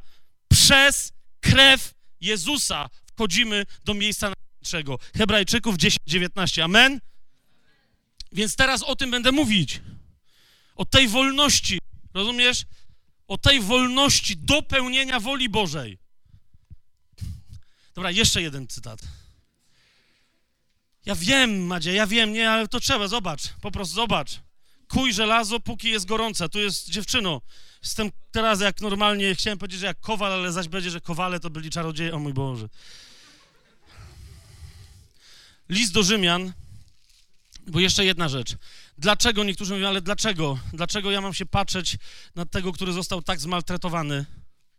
Żeby zrozumieć, żeby zrozumieć, że w tym zmaltretowaniu Jezus wiedział, że osiąga sukces, rozumiesz? On był szczęśliwy. Wiedział, że robi dokładnie to, do czego jest przeznaczony. Pamiętacie, przychodzi do niego matka na początku i mówi, nie mają wina. Jezus mówi, mój Boże kobieto, co ja z tobą mam? A ty ze mną. Nic. Mówi, czy nie wiesz, że jeszcze nie nadeszła moja godzina? Bo jej chodziło o to, żeby on objawił swoją chwałę. On objawił, ale nie tak, jak ona myślała, że to ma być objawione. A potem pamiętacie, kiedy nadchodzi godzina ciemności, co Jezus mówi? Ja na tę godzinę przyszedłem. Ja, ja wiem, co robię od początku. W jednym miejscu Pan Jezus mówi: Nikt mi życia nie odbiera, pamiętacie to? Ja sam od siebie je oddaję. Dlaczego? Bo mam moc je oddać i mam moc je znów odzyskać. Ja wiem, co robię. To nie jest samobójstwo ofiarne. Wiem, co robię. To jest Pesach. Ja jestem barankiem, który sam siebie składa w ofierze. Ja jestem barankiem, który przechodzi przez Morze Czerwone, żebyście wy, Izraelu, za mną mogli przejść. Ja jestem barankiem, który jest przejściem. Bo kto przeze mnie przejdzie, ten wejdzie i wyjdzie i znajdzie paszę, bo ja jestem bramą owiec. To jest Pesach. To jest przejście. I dlatego my się mamy wpatrzeć w tego baranka Bożego, żeby ro- zrozumieć, że on na krzyżu nie był mordowany przez swojego ojca, ale że on tam w jedności z ojcem i w duchu świętym, oni tam jeden we trzech robili to, co z miłości do ciebie i do mnie zamierzyli. Jesz, dobra, jeszcze zanim Rzymian 12, to musimy otworzyć e, drugi do Koryntian 10. Naprawdę mu, musicie to usłyszeć. Nie 10, tylko 5. Gdzie był, gdzie był Bóg w- Auschwitz? Gdzie był Bóg w Dachau? Gdzie był Bóg w masakrze w Betle? Gdzie, by, gdzie był Bóg, kiedy jego syn umierał na krzyżu? Czy to nie on go mordował? Drugi do Koryntian, piąty rozdział, dziewiętnasty werset mówi: Bóg był w Chrystusie, kiedy jednał świat z sobą samym, nie poczytując ludziom ich grzechów, a następnie nam, ludziom, którzy się dali uratować przez tę jego ofiarę na krzyżu. To jest ofiara i syna, i ojca, i ducha świętego, rozumiesz? A następnie nam powierzył to słowo pojednania. Gdzie był ojciec? Kochani, nie, skończcie te dyskusje wszystkie. Gdzie był ojciec? Ojciec był w Chrystusie, jednając świat z samym sobą. Gdzie miał być? Gdzie miał być? Boże mój Boże, czemuś mnie opuścił, to jest wołanie ciała Chrystusowego, które na tym krzyżu co, czego doświadczyło, stało się Twoim i moim grzechem fizycznie. 21 wie- werset. On bowiem tego, który nie znał grzechu, za nas uczynił grzechem, abyśmy my w nim stali się czystą sprawiedliwością Bożą. Sprawiedliwością Bożą w Chrystusie. Sprawiedliwość Boga jest czyją sprawiedliwością? Boga. Wiesz, co to oznacza? Że Chrystus wziął na siebie, w siebie, w swoje ciało, twój i mój grzech tak skutecznie, że kiedy ty się godzisz na tę ofiarę, to ciebie zamienia w osobę tak sprawiedliwą, że twoja sprawiedliwość nie jest w niczym ani o milimetr gorsza od sprawiedliwości samego Jezusa Chrystusa. Ponieważ ty nie masz w sobie sprawiedliwości Bożej, ale Słowo Boże mówi wyraźnie, że stajesz się sprawiedliwością samego Boga przez tę wymianę. Rozumiesz, co się tu dzieje? Ja nie. To jest, znaczy, to jest, to, to znaczy, że dostajesz taką sprawiedliwość, która jest tak czysta i tak niepokalana, jak niepokalana była sprawiedliwość Chrystusa, jakbyś nigdy w życiu nie zgrzeszyła, ani nie zgrzeszył. A grzechów ich więcej nigdy nie wspomnę. Zapowiedział Pan i list do Hebrajczyków to potwierdza. Grzechów ich już nigdy więcej nie wspomnę, mówi Pan. Amen? Więc wreszcie przestań się, rozumiesz, szukać po pierwsze jakiegoś dziwacznego w swoim życiu kon- koncepcji sukcesu, nawet i chrześcijańskiego, nawet su- sukcesu w służbie. Przestań, przestań, przestań szukać czegoś, co świat mógłby, o, to jest sukces. A zacznij szukać woli Bożej. A to jest możliwe tylko przez krew Chrystusa, przez odwołanie się do tej łaski, która działa przez krew. 12 rozdział listu do Rzymian mówi: Błagam więc was, bracia, przez miłosierdzie Boże. To jest, rozumiecie, Paweł na kolanach do nas woła przez list do Rzymian. Duch Święty przez niego. Błagam więc was, bracia, przez miłosierdzie Boże, abyście składali wasze ciała jako ofiarę żywą, świętą, przyjemną Bogu, bo to jest wasza rozumna służba. Wasza służba nie ma być głupia, nie macie się tarzać w jakichś oszalałych tylko i wyłącznie emocjach, z których nic nie wynika. To ma być rozumna służba, nie pozbawiona emocji, ale przesiąknięta intensywnymi emocjami Chrystusa. A nie dostosowujcie się do tego świata, ale przemieńcie się przez odnowienie waszego umysłu, abyście mogli rozeznać, co jest dobrą, przyjemną i doskonałą wolą Boga. Przecież większość chrześcijan dzisiaj na tym polega nasz problem. Na tym polega nasze niebycie przesiąkniętymi krwią Chrystusa, że większość chrześcijan nie uważa woli Bożej za dobrą, przyjemną i za dla siebie doskonałą. Wiecie o co mi chodzi? I większość z nas tutaj się boi woli Bożej. Rozumiesz? Przyznaj się do tego. Pod krwią Chrystusa to jest jedna z pierwszych rzeczy, jaka, jakie ona robi. Że cię prowadzi do tego przyznania, że się boisz. Że się boisz. Poni- Ponieważ diabeł w nas chce za wszelką cenę zasiać lęk, że jest coś podejrzanego w działaniach ojca. I, I najgorsze kłamstwo jest w tym, że jest coś podejrzanego w tym, jak ojciec potraktował swojego syna na krzyżu. A ja ci mówię, że to był ich taniec miłosny. Im bardziej jesteś osobą duchową i Bożą, zaczynasz rozumieć moc tego wyznania. Jak na krzyżu ojciec synowi mówi kocham cię, a syn ojcu mówi kocham cię i duch mówi im chłopaki, jak ja was kocham. I oni mu mówią duchu, chłopaku, jak my cię ko... Oni wszyscy się prześcigają w mówieniu kocham cię sobie nawzajem, a przez siebie prześcigają się w wyznawaniu miłości tobie, siostro, tobie, bracie. To jest krzyż. To jest krzyż. Więc teraz będziemy gromić diabła. Tym słowem. Diabeł jak to słyszy, on już, on już dawno uciekał, ale w imieniu Jezusa Chrystusa te wszystkie duchy religijne, które tu dzisiaj na początku tego spotkania były, gdziekolwiek teraz uciekłyście i się próbowałyście pochować, na krańcach nawet Układu Słonecznego, niech was ten tekst dopadnie w imieniu Jezusa Chrystusa, wszystkich aniołów, którzy noszą krew Chrystusa drogocenną w naczyniach i Jego Słowo, Słowo Jego cierpliwości, proszę, żebyście zaniosły za tymi dziadami tę krew i żeby ta krew ich zgromiła, a nie my. Któż uwierzył naszemu głoszeniu? Izajasz 53, 1. A komu jest objawione ramię Pana?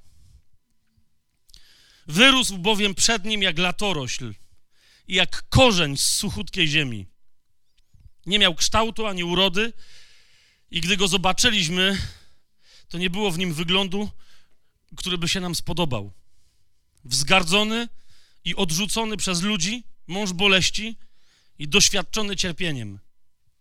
I przed nim ukrywaliśmy jakby swoją twarz, bo był wzgardzony tak, że mieliśmy go za nic. Amen. On wziął na siebie nasze cierpienia i poniósł naszą każdą boleść. A my nawet wtedy uważaliśmy, że to on jest zraniony i że to jego Bóg uderzył i utrapił. Ale on, owszem, był zraniony, jednak za nasze występki został starty do ostatniej kropli krwi za nasze nieprawości. Kara dla naszego pokoju była na nim, a jego ranami zostaliśmy uzdrowieni. Wszyscy zbłądziliśmy jak głupie owce.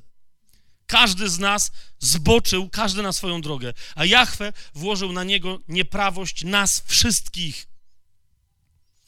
Uciśniony i gnębiony, jednak nie otworzył swoich ust. Jak baranek prowadzony na rzeź. I jak owca przed tymi, którzy mają ją strzyc, zamilkł i nie otworzył swoich ust. Został zabrany z więzienia i z sądu. Kto w ogóle może wypowiedzieć jego pokolenie? Został bowiem wyrwany z ziemi żyjących i zraniony za przestępstwo mojego ludu. Potem wyznaczono mu grób z niegodziwcami i z bogaczami była jego śmierć, chociaż nieprawości nie uczynił, ani nie znaleziono fałszu w jego ustach. Lecz spodobało się Jahwe zetrzeć go i zgnębić, a po złożeniu swojej duszy na ofiarę za grzech ujrzy swoje potomstwo, przedłuży swoje dni i to, co się podoba Jahwe, przez jego rękę wreszcie szczęśliwie się spełni. Ostatecznie z udręki swojej duszy ujrzy owoc i się nim nasyci. Ten mój sprawiedliwy sługa swoim poznaniem usprawiedliwi wielu, bo sam poniesie ich nieprawości. Dlatego dam mu dział wśród wielkich, aby dzielił się zdobyczami z mocarzami, ponieważ wylał swoją duszę na śmierć. Został zaliczony do przestępców, sam poniósł grzech wielu i wstawił się za przestępcami.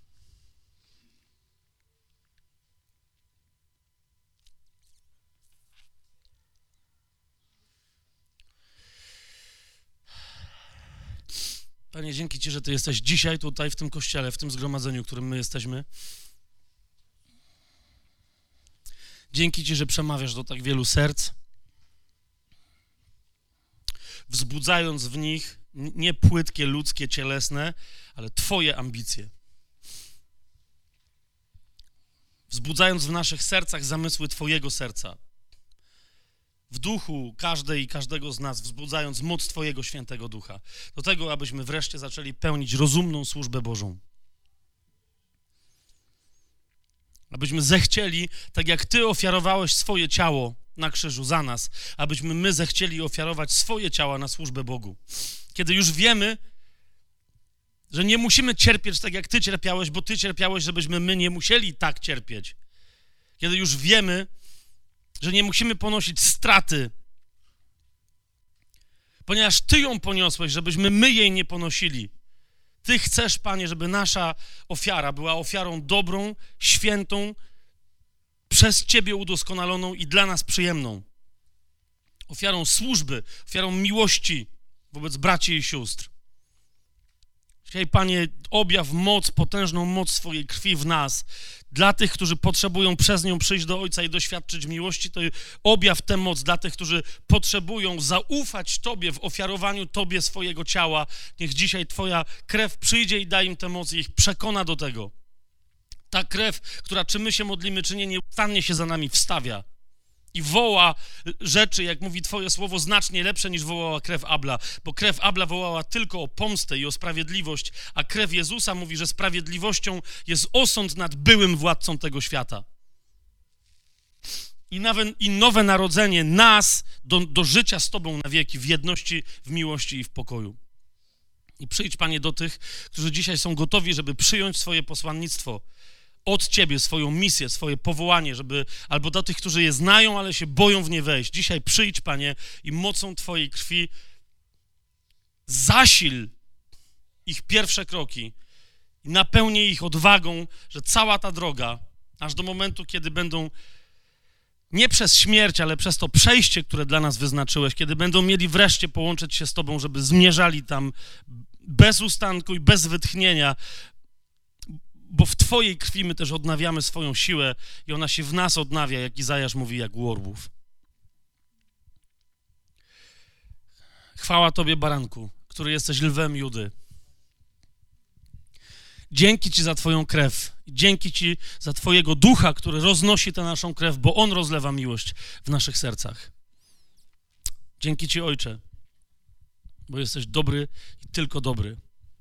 Dzięki Ci, duchu, bo dzisiaj usuwasz z wielu serc lęk. Dzięki Ci.